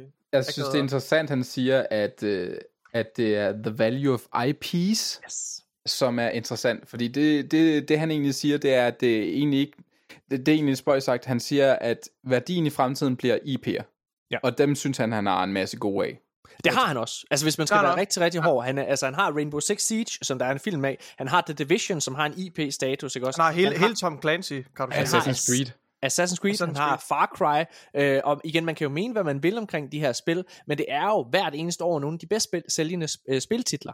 Øh, så altså, det er jo bare interessant, og det han også siger, det er jo det her med, at Ubisoft kan få en god pris, hvis det var, at de skulle vælge ikke at forblive uafhængige, altså at de skulle vælge at blive konsolideret ikke? Øh, med, med et andet firma. Og øh, jeg tror jo, der er to bejlere til Ubisoft. 100. Jeg og, han, tror- og det er kun godt for prisen, som du selv siger. Det er prisen på firmaet, når han har set så dyrt et... Altså, når, der, når Activision Blizzard går for den pris, så ja. kan han også puste prisen op på sit eget firma. det vil ikke være utænkeligt, at Ubisoft kunne få 40 millioner for sig. Jeg tror ikke, de er lige så store som, øh, hvad hedder det? Ja, det Ja, milliarder, undskyld, milliarder Dollars. dollars, ikke? Hvad hedder det? Fordi de er ikke lige så store som Call of Duty og så videre der, men de er kraftet med med store, ikke? Altså, mm. øh, så igen, hvis det nu sker, der er to bejlere, som sagt. Der er Tencent, som allerede har været ude, som er et kinesisk firma, som jeg ikke bakker op om. Hvad hedder det? øh, øh, og øh, de har allerede været ude og der kan jeg også bedre lide Microsoft. Præcis. Der har de allerede været ude og købe flere forskellige øh, hvad kan man sige, aktier i firmaet. Øhm, så de er tydeligt, de gerne vil det. Der er en historie, som vi ikke behøver at snakke så meget om, men nu nævner den bare nu. De er lige ude og købe øh, aktiemajoriteten i, øh, hvad hedder det, Techland, det her firma, som laver Dying Light 1 og 2 for eksempel. Så de er så meget ude og bruge deres store pengepunkt. Og Tencent er den største, så vidt jeg er orienteret, øh, gaming virksomhed i verden. Det er dem, som også ejer en største del i Epic for eksempel, så Fortnite, det er fra Tencent og så videre. Det er bare et kæmpe Der- stort de firma. ejer Riot. Det er nok det, det største, som man kender. Det er helt voldsomt. De ejer alt i Riot. Øhm, så Tencent kunne være en, øh, en ubehagelig øh, bejler til Ubisoft.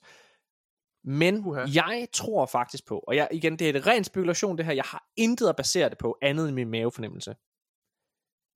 Jeg tror legit godt, PlayStation kunne være en kandidat til Ubisoft. Og nu skal jeg fortælle jer hvorfor. For det første, så mangler PlayStation et modsvar til Activision Blizzard. Nej, jeg er med på, at Sony ikke har direkte råd til at købe Ubisoft, men man kan altså tage et lån, hvis man gerne vil det her. Hvis man får støtten fra sine aktionærer, så kan man tage et lån, og Sony er ikke et lille firma. De har den største øh, filmvirksomhed overhovedet i, øh, i, i Hollywood, altså Columbia Pictures, som er deres, ikke? Det, det er nummer et øh, indtjenende hvad hedder det, filmstudie. Mm. Så selvfølgelig har de penge.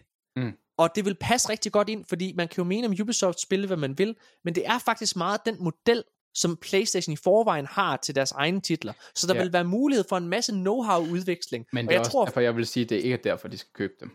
nej, jamen, Fordi det har de netop ret fatter at lave det selv. Og det er også det er sjovt, at fordi jo, på papiret er, det, er de meget mere værd nu.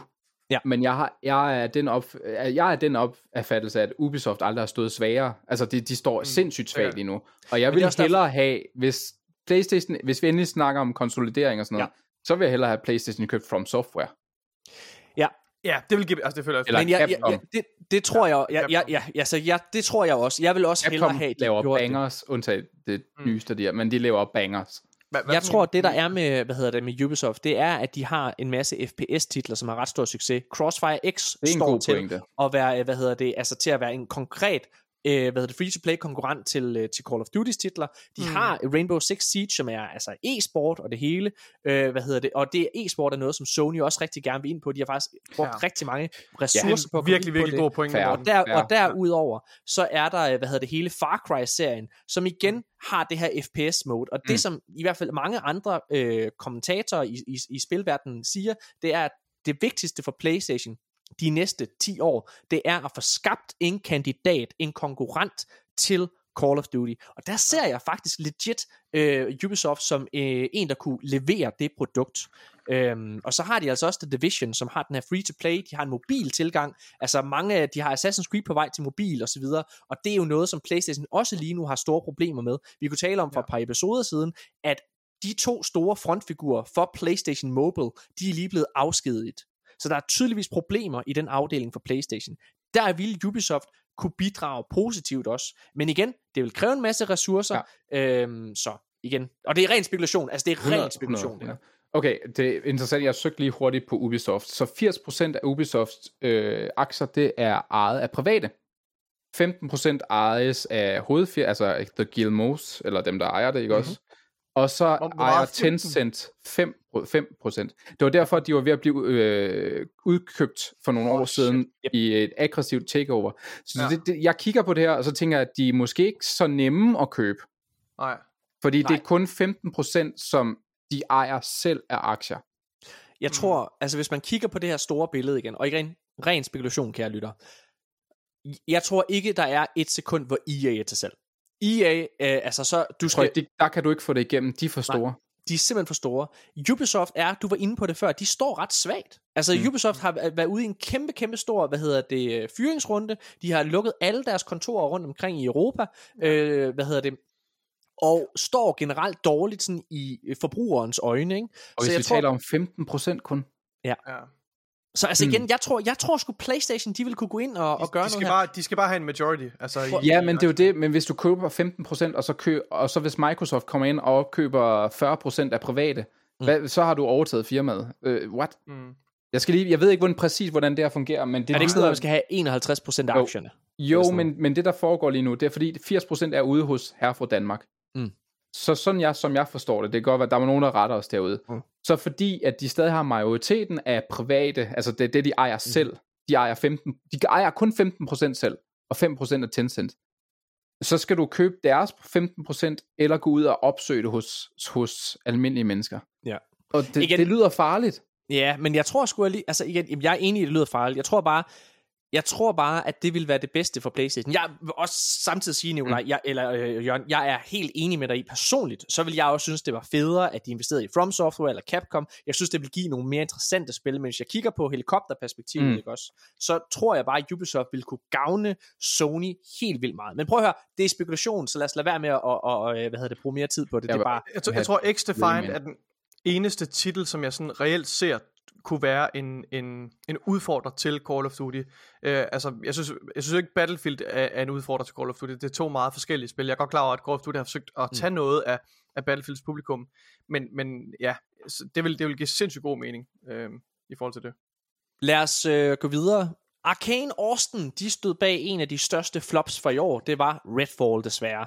Øh, Arcane Austin har tidligere lavet Dishonored 2, Prey, øh, og øh, Redfall var så stor en afvielse for den type spil, de normalt laver.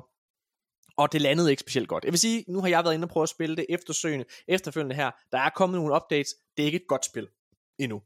Men det er blevet bedre. Det er der, hvor jeg vil sige, hvis man er, hvis man er nysgerrig, så er der kommet så meget, mange opdateringer i forhold til enemy AI og den måde, de reagerer på, at det er spilbart. Altså, øh, og, og, og igen, jeg havde oprigtigt talt en bedre oplevelse med at sidde og spille Redfall, end jeg havde med at spille Final Fantasy 16. Så kan man jo tænke lidt omkring det. Øh, og det var da det var den dårlige version i Redfall. øhm, men hvad hedder det? Arcane er øh, efter sigende på vej tilbage til rødderne, fordi i en jobbeskrivelse, i en jobopslag, øh, eller hvad det hedder, der øh, står der, at Arcane Austin leder efter en lead technical engineer, som har, og nu kommer det spændende, familiarity with single player action RPGs and immersive sims. Og single player action RPGs og and immersive sims, det er lige præcis den kategori, som Dishonored, Deathloop og alle de spil, man kender Arcane for at lave, er. Så det er sindssygt spændende, synes jeg. Det håber jeg. Altså, jeg tror også, øh, jeg tror, jeg, jeg tror ikke Microsoft tænker, I skal lave, prøv at lave en Redfall 2. Nej, det her det, er det ikke en selvfølgelig historie et eller andet sted? Jo, Er det ikke derfor, de er blevet... det bliver godt. Back to basics. Noget, øh, jeg er spændt på, om bliver godt. Øh, da, vi havde, da, vi, da du var med sidste gang, Jørgen, der, der annoncerede du din, de spil, du glædede dig allermest til. Og øh, du glæder dig rigtig meget til det her From Software-spil, som hedder Armored Core 4 øh, Fires of øh, Rubicon. Det er faktisk 6. Er det også sekseren? romertal. Okay. Sindssygt. Ja. Uh, hvad hedder det? Uh, der er lige kommet en uh, story trailer til det her spil, som jeg har siddet og set. Og Jørgen, jeg vil rigtig gerne høre, hvad du tænker omkring den her. Jamen, jeg aner ikke, hvad der foregår. Nå, det er jeg så glad for, du siger, fordi jeg sad og tænkte, ja, ja, prøv at, det, prøv, det der er sjovt ved det her, ikke? ja, undskyld, bare fortsæt. Nej, nej, nej, nej, det er bare det, der er så sjovt ved det her spil, det er, den eneste grund til, jeg oprigtigt talt er interesseret i det her Mhm. spil, det er fordi, de har lavet Elden Ring. Ja, præcis. Men det var også det, jeg sagde, at det her kan potentielt være noget, jeg ikke er sådan helt op at køre over. Men udover story-traileren, så linkede jeg her tidligere i dag, at der faktisk var en gameplay reveal.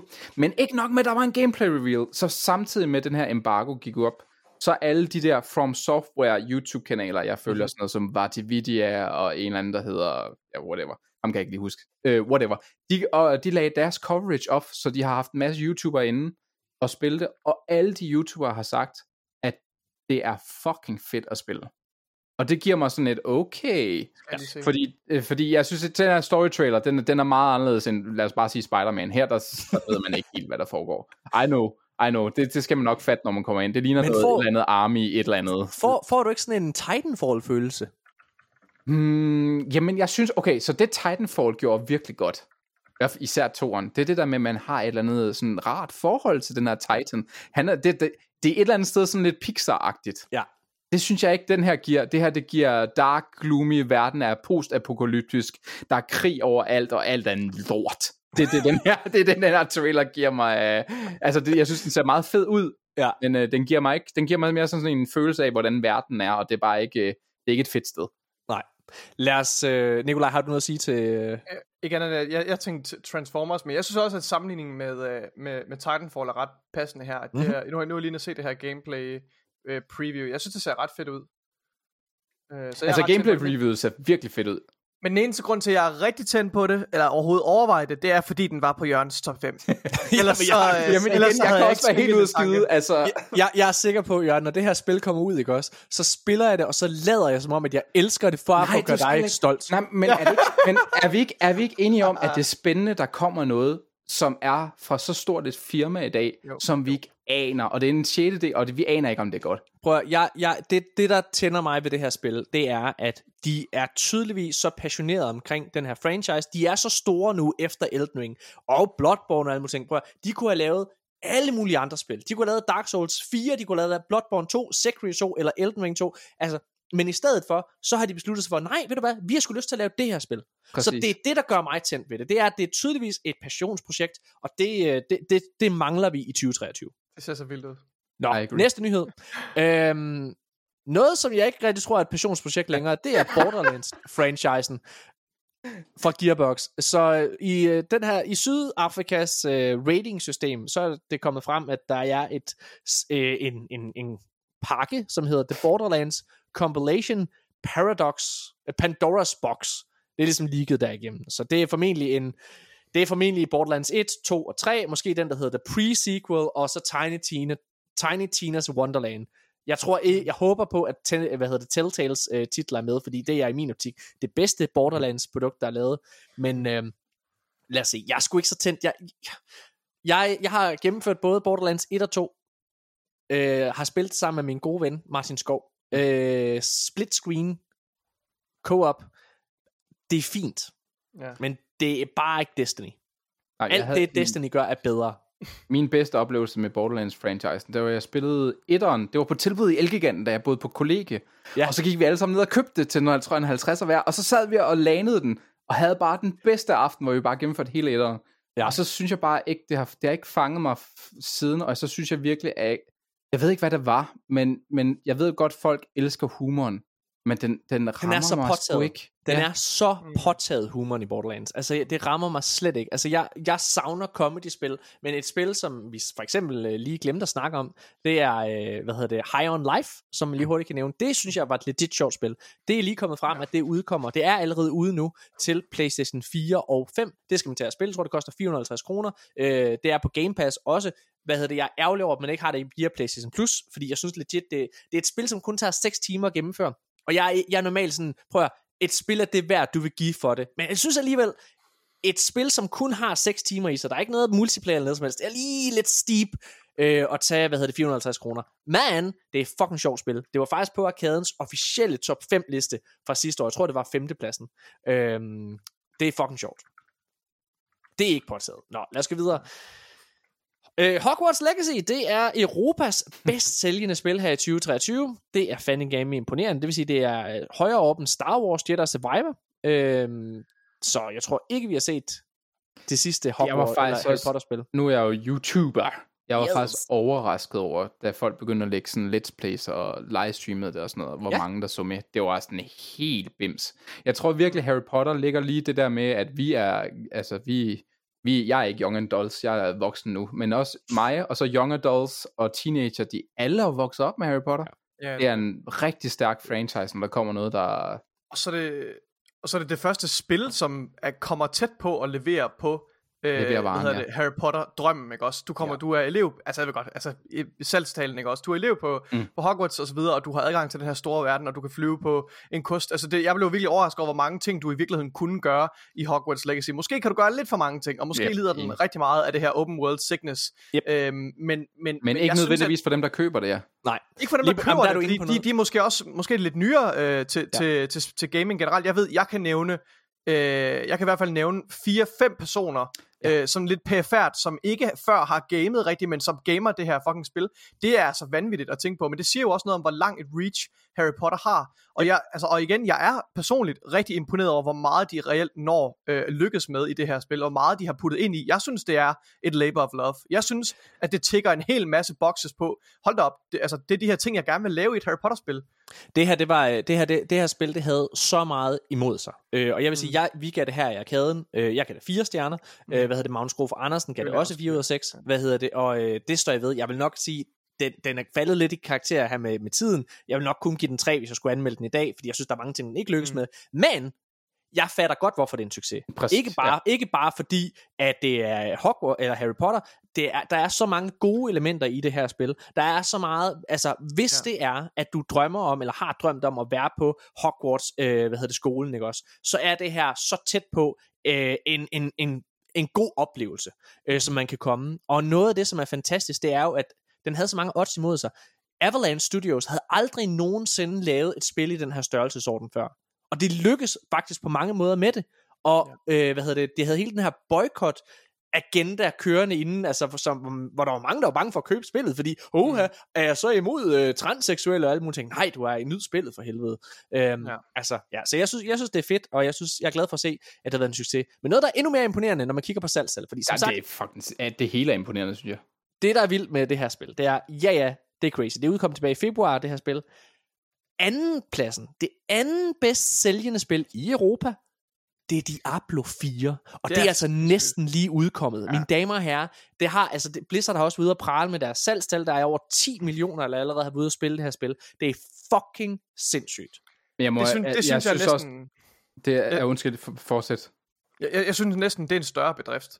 Ja. Det er, det, for det kommer langt mere som en overraskelse. Jeg havde lidt et, undskyld, en fordom om, at, øh, at Diablo 4 mest appellerede til øh, hardcore PC-spillere, som er vokset op med øh, med den her med, med den her genre med Diablo og med de her og hvad hedder det øh, hvad det hedder øh, P, hvad hedder det Path of Exile og så videre sådan nogle, jeg, jeg havde ikke regnet med at det ville have så stor en reach som det har Nej. fået.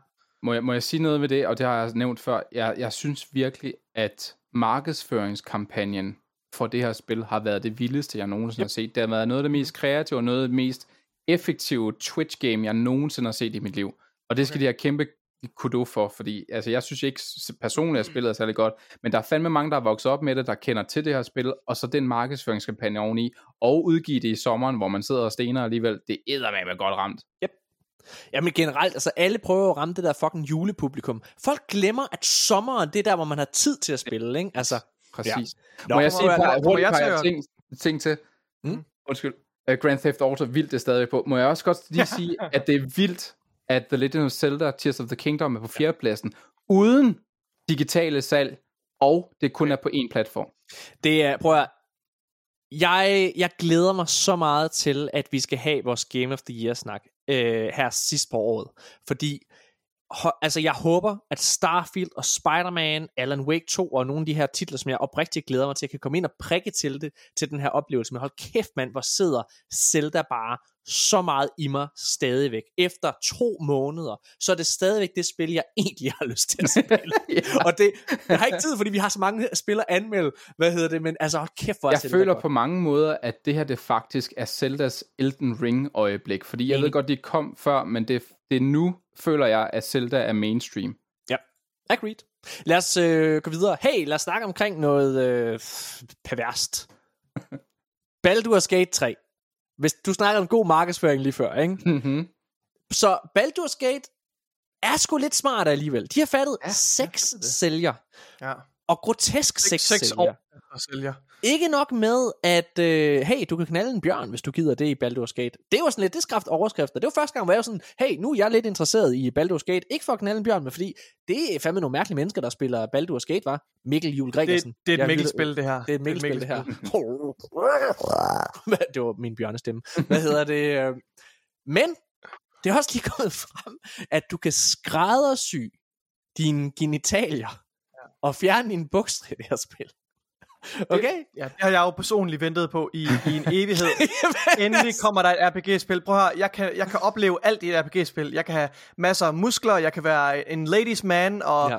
og, og en troldmand, men jeg har aldrig, og, og, jeg, så jeg har kunnet udleve alle de fantasier, alle de ting, jeg ikke kan leve op til i mit virkelige liv, det har jeg kunnet udleve, bortset fra mine kønsorganer. Og endelig er der et spil, hvor jeg kan.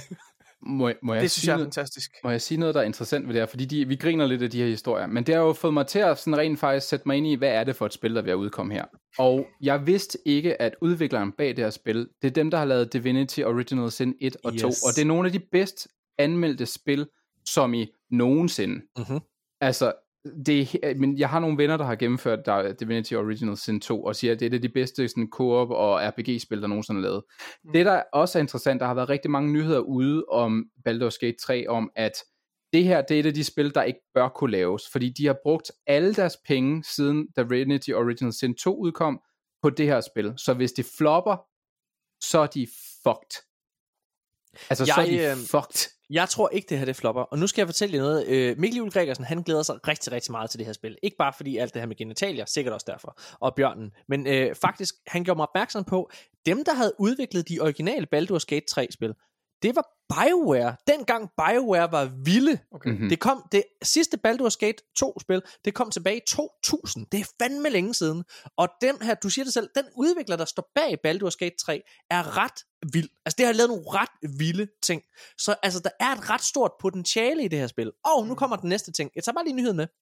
Så Baldur's Gate 3, hvis du kører det på hardcore mode, øh, altså sådan vil have alt ud af det, så kan det tage dig 200 timer at gennemføre Baldur's Gate 3, og de siger, at der er ret stor replay value. Øh, det, der er interessant, det er, at det her spil, det udkommer ikke på Xbox i første omgang. Det kommer på PlayStation 5 og PC. Det her, det er PlayStations Starfield. Om de vil det eller ej, Mm.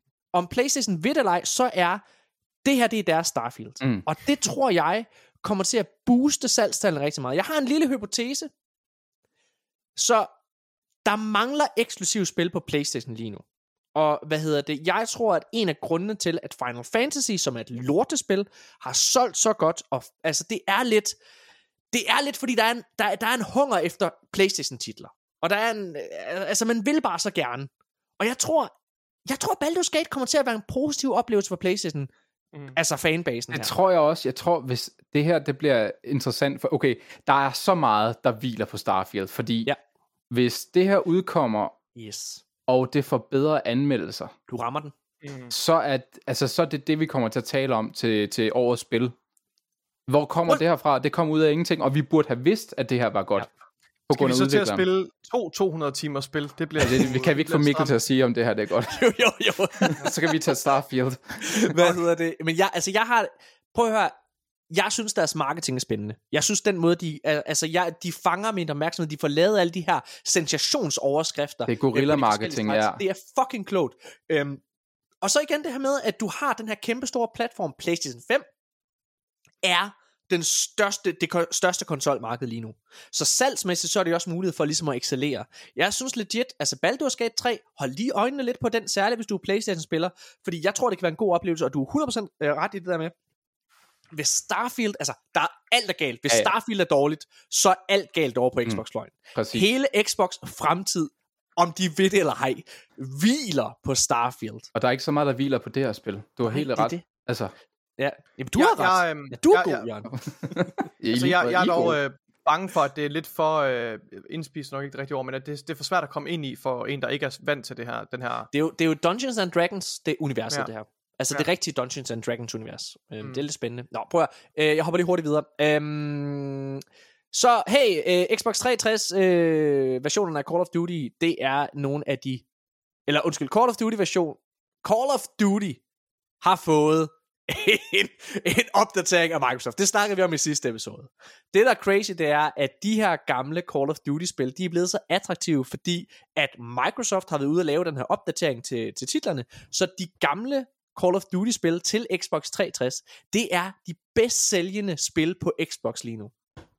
Det er selvfølgelig mm. klart, man skal huske på, på Xbox der er Game Pass, det er der de fleste får deres spil igennem, det skal man lige tage med den her, men stadigvæk, det er fandme imponerende. Det bedst sælgende spil på Xbox øh, lige nu, det er Xbox 360 versionen af Modern Warfare 2, det Ja. originale Modern Warfare 2. Jamen det er det, og jeg undrer mig lidt over det her, fordi der er jo øh, i 2020, der udgav de jo en uh, remaster af Modern Warfare 2, troede jeg, men det, det, er jo, det, de jo, det var kun kampagnen, som de remasterede. Mm-hmm. Så det folk køber det her spil for, det er jo for at spille multiplayer-komponenterne i de her gamle Call of Duty-spil. Øh, og det er jo de her tjenester, som, det ved jeg ikke, om du lige sagde nu her, Morten, men at øh, de, de har været tilbage at tænde for serverne, øh, og, og, og, og køre dem stadigvæk til de her gamle 360-titler.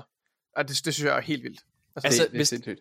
Hvis der er noget, Ja. de kan, Microsoft, altså, man kan svine dem til på mange områder, men de er fandme gode til at ligesom tage sig af de gamle titler og vedligeholde dem. Må jeg fortælle en fuldstændig sidehistorie med Modern Warfare 2, fordi jeg elsker det her spil. Altså gas. fuldstændig gøjlet historie. Ved du, hvem Andreas Høggen er, som er instruktør? Aldrig. Aldrig Okay, det. han er en færøsk instruktør. Nå, random historie. Så sidder jeg, jeg har læst medievidenskab, og så talte vi om, at der var en meget sådan kontroversiel scene i Modern Warfare 2. Og så No jeg har, ja, det er præcis No Russian, hvor man i, i teknisk set kan meje en masse civilister ned, hvis man vil det. Jo, man selvfølgelig. Men det er det, der er sjovt, fordi så snakker vi om det, sådan, jeg kunne tage det med, og så kunne vi have det på storskærm. Så jeg tager det med øh, til den næste forelæsning, vi har, og sætter skærmen til om en bærbar, for den kan køre det, og så øh, spørger vi sådan, er der en tilfældig, der vil spille den her øh, scene, fordi jeg har jo spillet den, så jeg vil, øh, jeg vil hellere se, hvordan en reagerer på det, som ikke har spillet det. Og så Andreas melder sig, og han er filminstruktør, og han spiller bare, og han mejer bare folk ned til højre og venstre, og der sidder en hel forelæsningssal, sådan, what the hell? Og Andreas, du er en dejlig dreng, men han er også en mand, der tænker lidt anderledes end, end os andre, så folk tror jeg bare tænkt, er du psykopat? Slog han, slog han bare hjernen fra? Han slog Eller måske- bare hjernen fra skød. Eller, skød. eller må, måske lidt sådan, jeg tror også lidt, jeg kan huske første gang, jeg spillede, var sådan en, okay, må jeg det her? Kan jeg det her? Hvad sker der, hvis jeg skyder de her civile? Fordi det er jo sådan fy-fy.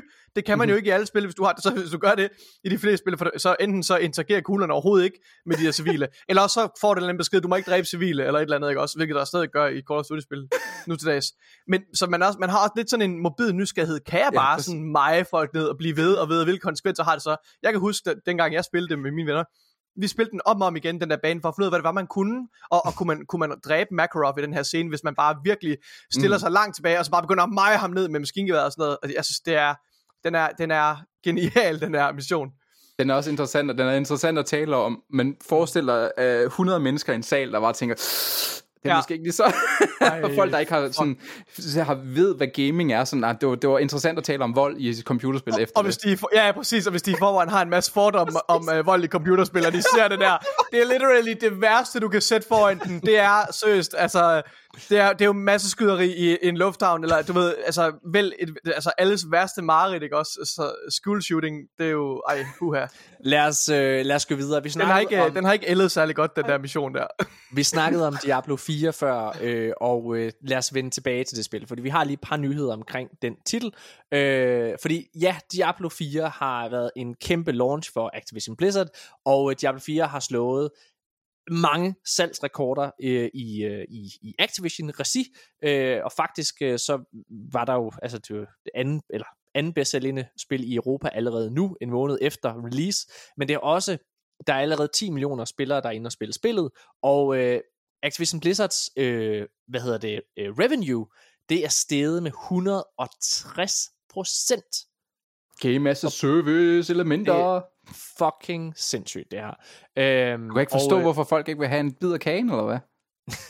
Jo, jeg, jeg, jeg, jeg, jeg, jeg, forstår godt, at uh, ikke folk gerne vil have en bid af kagen med, hvad hedder det, Game as a Service. Jeg tror bare, forskellen er, at når du sidder og presser det ned over en franchise, som ikke er en, altså som ikke er en passer til det, som for eksempel The Last of Us Factions, som er blevet cancelled øh, efter sine også. Det er en franchise, som ikke beder om det. Det giver mening med The Division, som er skabt fra bunden til at blive det, ikke også? Eller Destiny mm. for den sags skyld. Mm-hmm. Men det er, bare, det er bare også så farligt et marked. Diablo 4 øh, øh, som Guillemont, øh, y, eller Yves Guillemont, han sagde, så IP, det er noget af det mest værdifulde. Det er det ikke bare i film- og tv-verdenen. Der er en grund til, at der er fortsættelser til alle film-franchises, du bare kender en lille smule, ikke også? Det er fordi, folk kommer ind og ser det, fordi, åh, oh, jeg ved, hvad det er. Det er det samme spil. Og Diablo 4 har haft gode vilkår, fordi Diablo har en kæmpestor fanbase, øh, hvad hedder det, så du, du har noget IP recognition, og der er også noget sikkerhed for nye spillere, som mig for eksempel. Jamen, jeg vil jo tjekke det ud, fordi når jeg Diablo, det her, det hørt skulle være meget godt. Men når, hvad fuck hedder det der, Payday, eller hvad fanden, øh, som det ikke hedder, til, til Playstation kom ud, det er en helt ny IP.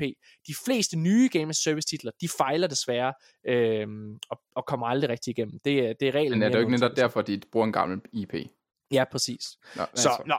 Anyways, lad os øh, fortsætte her med, øh, med, med, med Activision Blizzard. De har også været ude at love en masse story content. Åh, oh, hvad sker der nu? Er jeg stadigvæk med?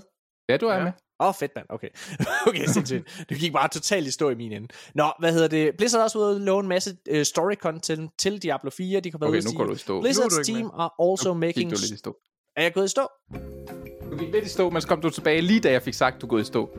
Okay, Just keep going. er vi sikre på, at det her det ikke er? Oh my Ja, ja, det god. kører. Det kører. Okay, jeg, jeg fortsætter. Ja, fordi nu er jeg lige gået i stå igen. Ej, okay. Nu, jeg vil ikke... Vi skal ikke miste det her, vel? Ej, nu stopper rører du igen. Ja, nu stopper Morten vi. bor i Jylland, jeg der hører med. Morten, han har jo det bedste internet. De får jo internet lige fra åren jo. Det har han altid sagt. Han elsker at fortælle den her historie. De får den lige fra, lige fra nettet. Det føles ikke sådan i dag. Nej.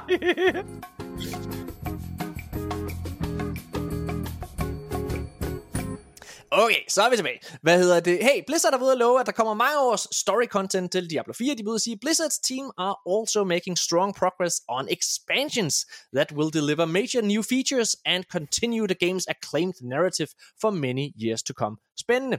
Hvad hedder det? Øhm, noget, der ikke er så spændende, det er den nyeste øh, hvad hedder det, sæson, den nyeste update, der er kommet ud til spillet. Fordi den er blevet taget så dårligt imod Mhm af fans, at der har været decideret review-bombing omkring det. Hardwire.dk har lavet en rigtig, rigtig fin artikel og opsamling omkring lige præcis det her emne. Hvad hedder det? Øhm, og øh, der kan man jo gå ind ligesom og, og, og, og læse lidt omkring det. Jeg kan lige tage et par citater med her. Overskriften det er, Blizzard begynder at rulle Diablo 4 opdatering tilbage efter review-bombing. Ellers, altså, efter den her update er kommet ud, så har Blizzard været ude at trække updaten tilbage, fordi at den skulle være så dårligt taget imod. Den her, øh, det her citat er vist ikke med inde i artiklen, men de har været ude at sige faktisk, we know the game isn't fun right now, har de været ude at sige. Det er fucking, Ja, de har virkelig fucket op. Men øh, det er så der gode til at lave sådan nogle tossede ting, ja. hvor de, de er ude, og så trækker de det tilbage. Det har de gjort mange gange. Ja, og de har været ude at sige, det her det er inden for Hardware.dk, der er Adam Fletcher fra Blizzard, der er ude at sige, we, he- we, are hearing, we have been hearing feedback from players regarding some of the changes in uh, 1.1.0 for Diablo 4. We're going to have campfire chat later this week on Friday uh, to talk more about it. We will have more details timing in the next day. Thanks again for the feedback. Og så er de så rullet tilbage efterfølgende. Det er ret sindssygt. Øhm, men, øh, men prøv at, jeg synes alligevel, det er fedt, jeg synes, de fleste udviklere er stedige, når der kommer updates, så, så, står de bare ved det, og så, øh, så bare, det er sådan, det er nu. Vi fikser det sådan, altså Bungie er jo på den måde. Hvis de har lavet en, en opdatering, som er, hvad hedder det, i Destiny, som er dårligt taget imod Nikolaj, så har vi skulle leve i den lort. Ja. Der synes jeg alligevel, at det er sgu meget fedt, at, altså helt seriøst, det er sgu meget fedt, at Blizzard lytter øh, til deres fanbase, og, øh, og, og, ja, og gør, hvad de siger. Hvad tænker du, Jørgen? Ja, ja, 100. Jeg tror også, at det har så meget momentum lige nu, så en dårlig nyhed lige nu vil ikke være så god. Nej. Øh, der, og det virker også som om, at de må have kigget på nogle statistikker og set, okay, folk synes faktisk ikke, det er fedt at spille det. Ja. Og hvis du laver en ændring, der gør, at det ikke er fedt at spille, så er det noget helt andet. Og det virker som om, nu fik jeg sagt det, vi snakkede sammen om, at jeg ikke så godt kunne lide Diablo 4, og, og det virker som om, der er nogle fundamentale problemer med at spille nekromancer i det spil, Ja. som jeg startede med. Og det, det, det virker som om, der er nogle fundamentale problemer, som de skal fikse før, at de ligesom laver patche, hvor de nerfer og booster ting. så ja. det er måske det, de har tænkt, okay, skal vi lige fikse de andre ting, der er mere øh, større problem.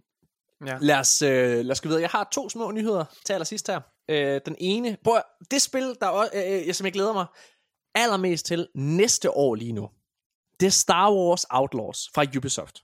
Oh yeah. Jeg synes, det ser fucking godt ud.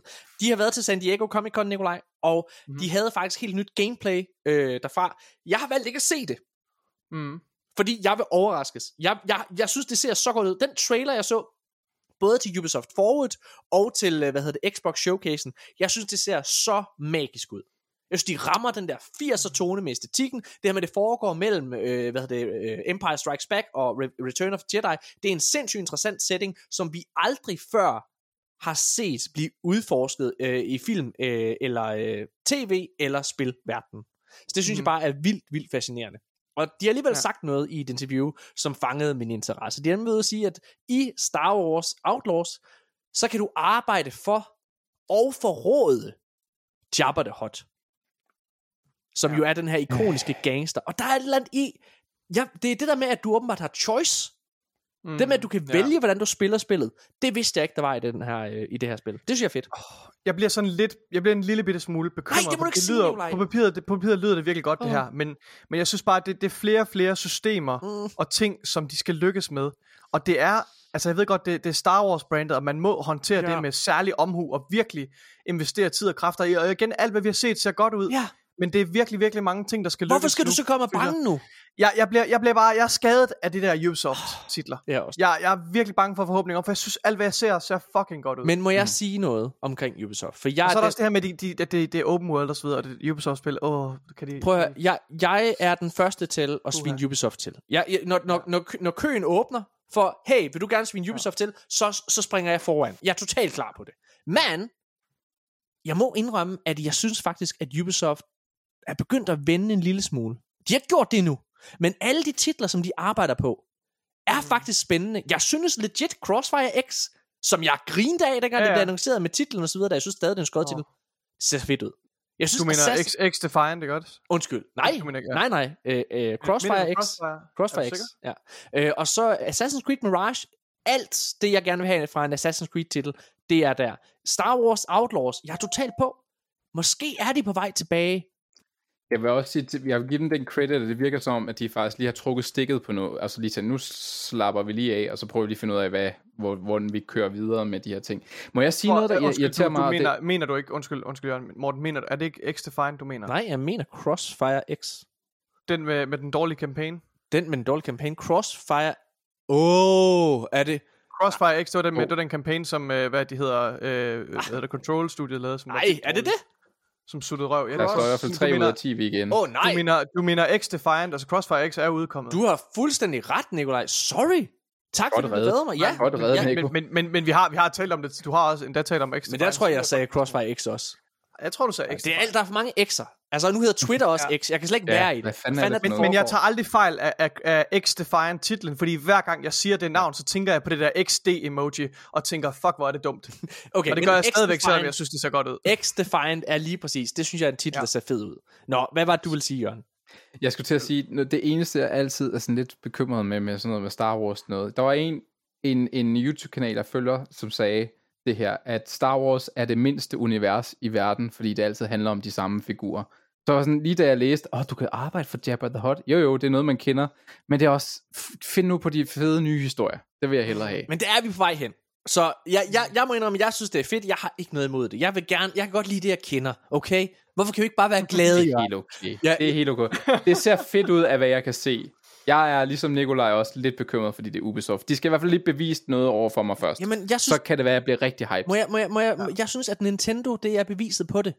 Jeg synes, det er så tydeligt med, altså Mario plus Rabbit Sparks of Hope, det er så tydeligt, at når Ubisoft har en IP, hvor de ved, der er noget på, altså der er noget på spil her, så gør de Mm. sig Okay, fucking okay. umage. Ja. Mario øh, plus Rabbids, legit, jeg havde minus forventninger til det. Jeg var klar på at svine det til. Jeg synes, det er så dumt ud. Jeg synes, de der Rabbids er røvirriterende. Det er et fucking godt spil. Det er et fucking godt spil. Nå. Truth. Sidste øh, nyhed. Hey, AI er åbenbart et tilbagevendende emne, som vi snakker om.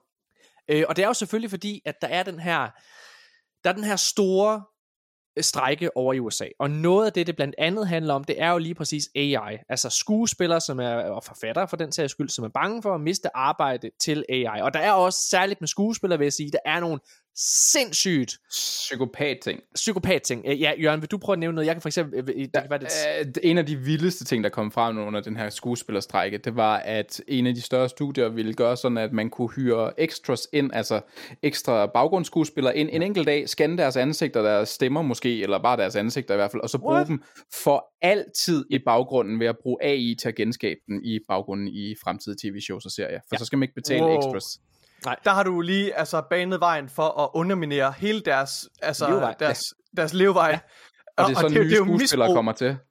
Altså, det, det, er det ikke næsten det ultimative sådan identitetstyveri? Dit udseende og din stemme, altså alt det, der får dig til at ligne dig, er de bare sådan, det Men- tager men- vi, men også og så det der putter det med- ind i en maskine. men også det der det er med, så altså, vi- ondt, at det er så ondt. Også det med, at vi teoretisk set lever i en verden, hvor nu har vi de skuespillerstjerner, vi har, fordi at man bare kan gøre Will Smith yngre og Tom Mm. Cruise yngre, så Ja. altså, de kan være med i alle film. Altså når, når Star Wars Ej. 20 kommer om På alle år. sprog. Ja, præcis. Altså de kan snakke dansk lige pludselig med Tom Vi Cruise stemme og sådan slipper, ting. vi slipper aldrig for Matt Damon. Han bliver ved med.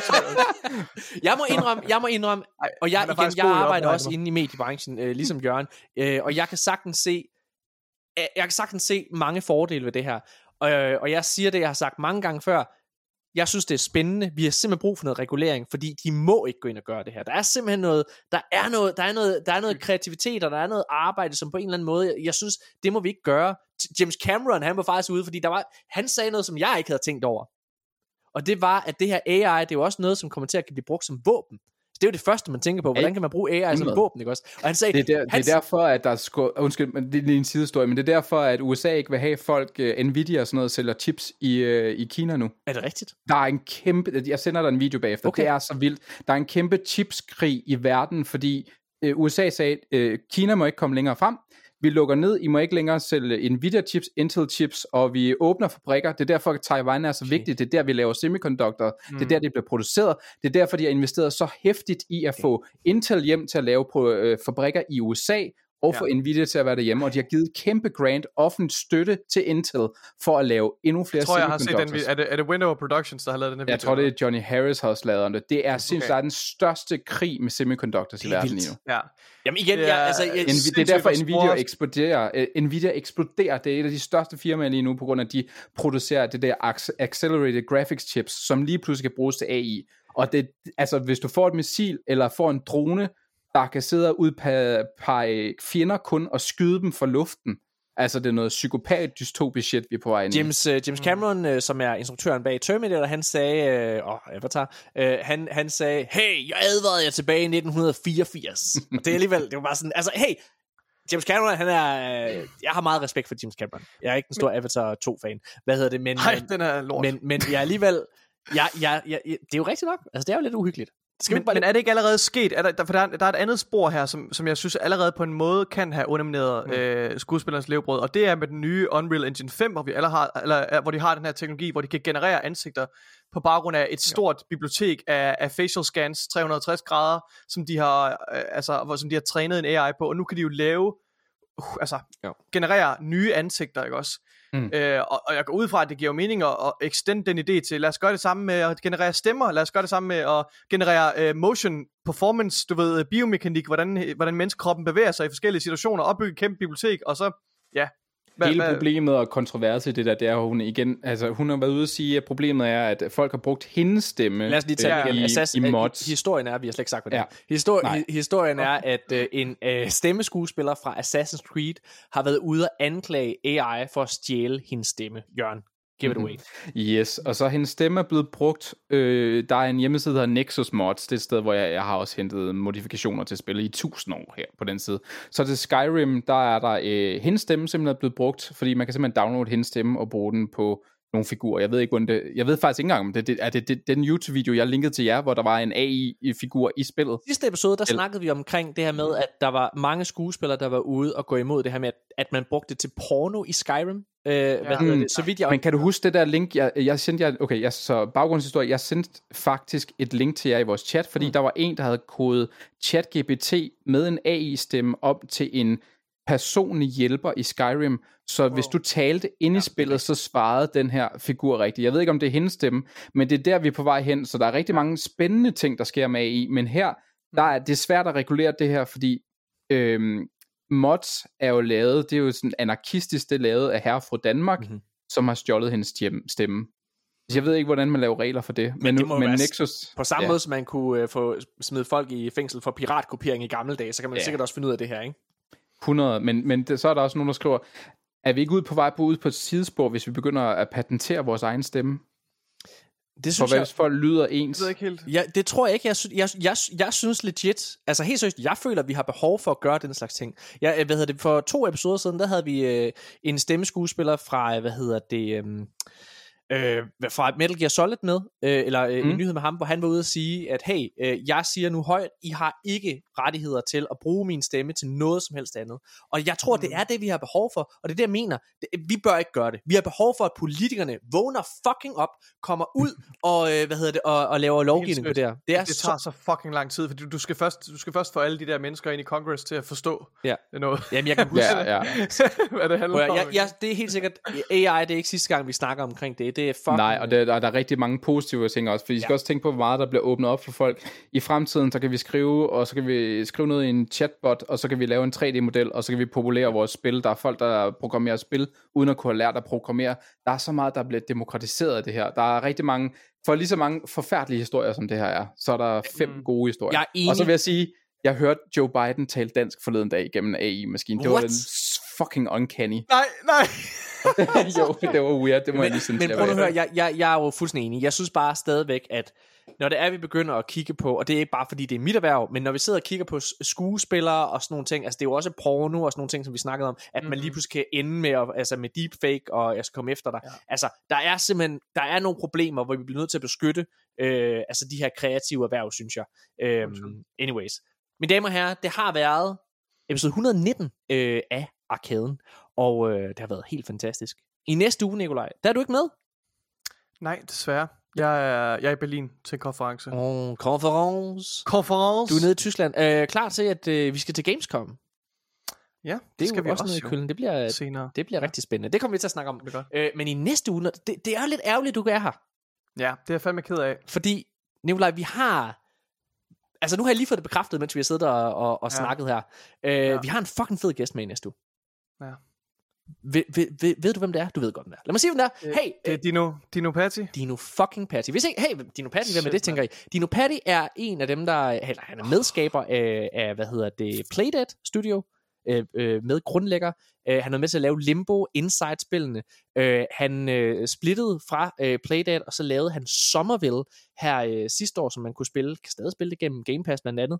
Øh, og han er fucking, øh, hold kæft, hvor er han et spændende menneske. Og jeg var så, jeg var og er et eller andet sted så følelsesmæssigt investeret i den her fantastiske øh, dokumentar øh, om Double Fine, så jeg havde virkelig brug for øh, at have med for at få noget, hvad hedder det, Double Fine? udløsning. Hvorfor snakker du om Double Fine? Er det ikke Double Fine, duden? Nej, er de, nej, du sover. Det er nu, Patty. Jeg har lige, jeg har lige siddet og fortalt dig det. Det er Playdead. Det er Limbo. Oh, Det er Somerville. Hører du slet ikke efter? Du tog det Jo, men det kunne da godt være, at det var noget, han arbejdede på før. Nej, nu sidder Nej, jeg troede, det var, jeg troede, det var Double Fine, dude. Nej, nej, nej, nej, nej, nej, nej, nej. Det er Dino Patty. Nej, nej. Hvad hedder det? Til gengæld, så... Det er, stadig, det er stadig tragisk for mig. Ja, ja, åbenbart ikke så meget. Hvad hedder det? Ikke lige så meget, ikke lige så meget. Okay. Hvad hedder det? I forhold til, hvor meget kontroversielt jeg har sagt, så er det næsten Nikolaj, der har gjort det værste. Ja. Ja. Åh, oh, shit. Prøv at, øh, jeg, øh, jeg, jeg håber på, at øh, vi både kan have Janus og Jørgen med i næste uge, så vi kan få stillet nogle ordentlige spørgsmål, hvad hedder det, til, øh, til Dino. Øhm, det, det, bliver, det bliver fucking fedt. Hold kæft, hvor er jeg glad for, at vi kan få øh, Dino Patty med. Altså, det er virkelig, det er kæmpe fucking scoop, mine damer og herrer. Så, spændende. Men damer og herrer, Tusind, tusind tak, fordi I har lyttet med til Arkaden. Tusind tak, fordi I er så gode til at støtte os og skrive kommentarer øh, de steder, hvor de her episoder bliver øh, lagt op, eller til mig for den sags skyld. Det varmer helt vildt meget. Hvis I gerne vil hjælpe os, hey, gå lige ind og giv os nogle stjerner, gerne nogle femstjernede nogen, og øh, ind på iTunes kan man også skrive, øh, hey, hvor, hvorfor at det her det er en god podcast. Det betyder rigtig, rigtig meget. Det betyder, at vi kommer frem i verden, og så synes jeg jo selvfølgelig, at man skal gå ind på hardware.dk, man kan også gå ind på øh, Jørgen Bjørns YouTube-kanal øh, og tjekke øh, hans indhold ud. Spilministeriets videoer ligger stadig derinde, øh, og det er faktisk, det er, ved du hvad, de er faktisk ældet ret fint, Jørgen. Åh, oh, det er godt. Tak. øh, mine damer og herrer, tusind tak fordi I med. Vi er tilbage igen næste uge med Dino Patty. Ham der for Played... Nå nej. Ham der fra Double Fine.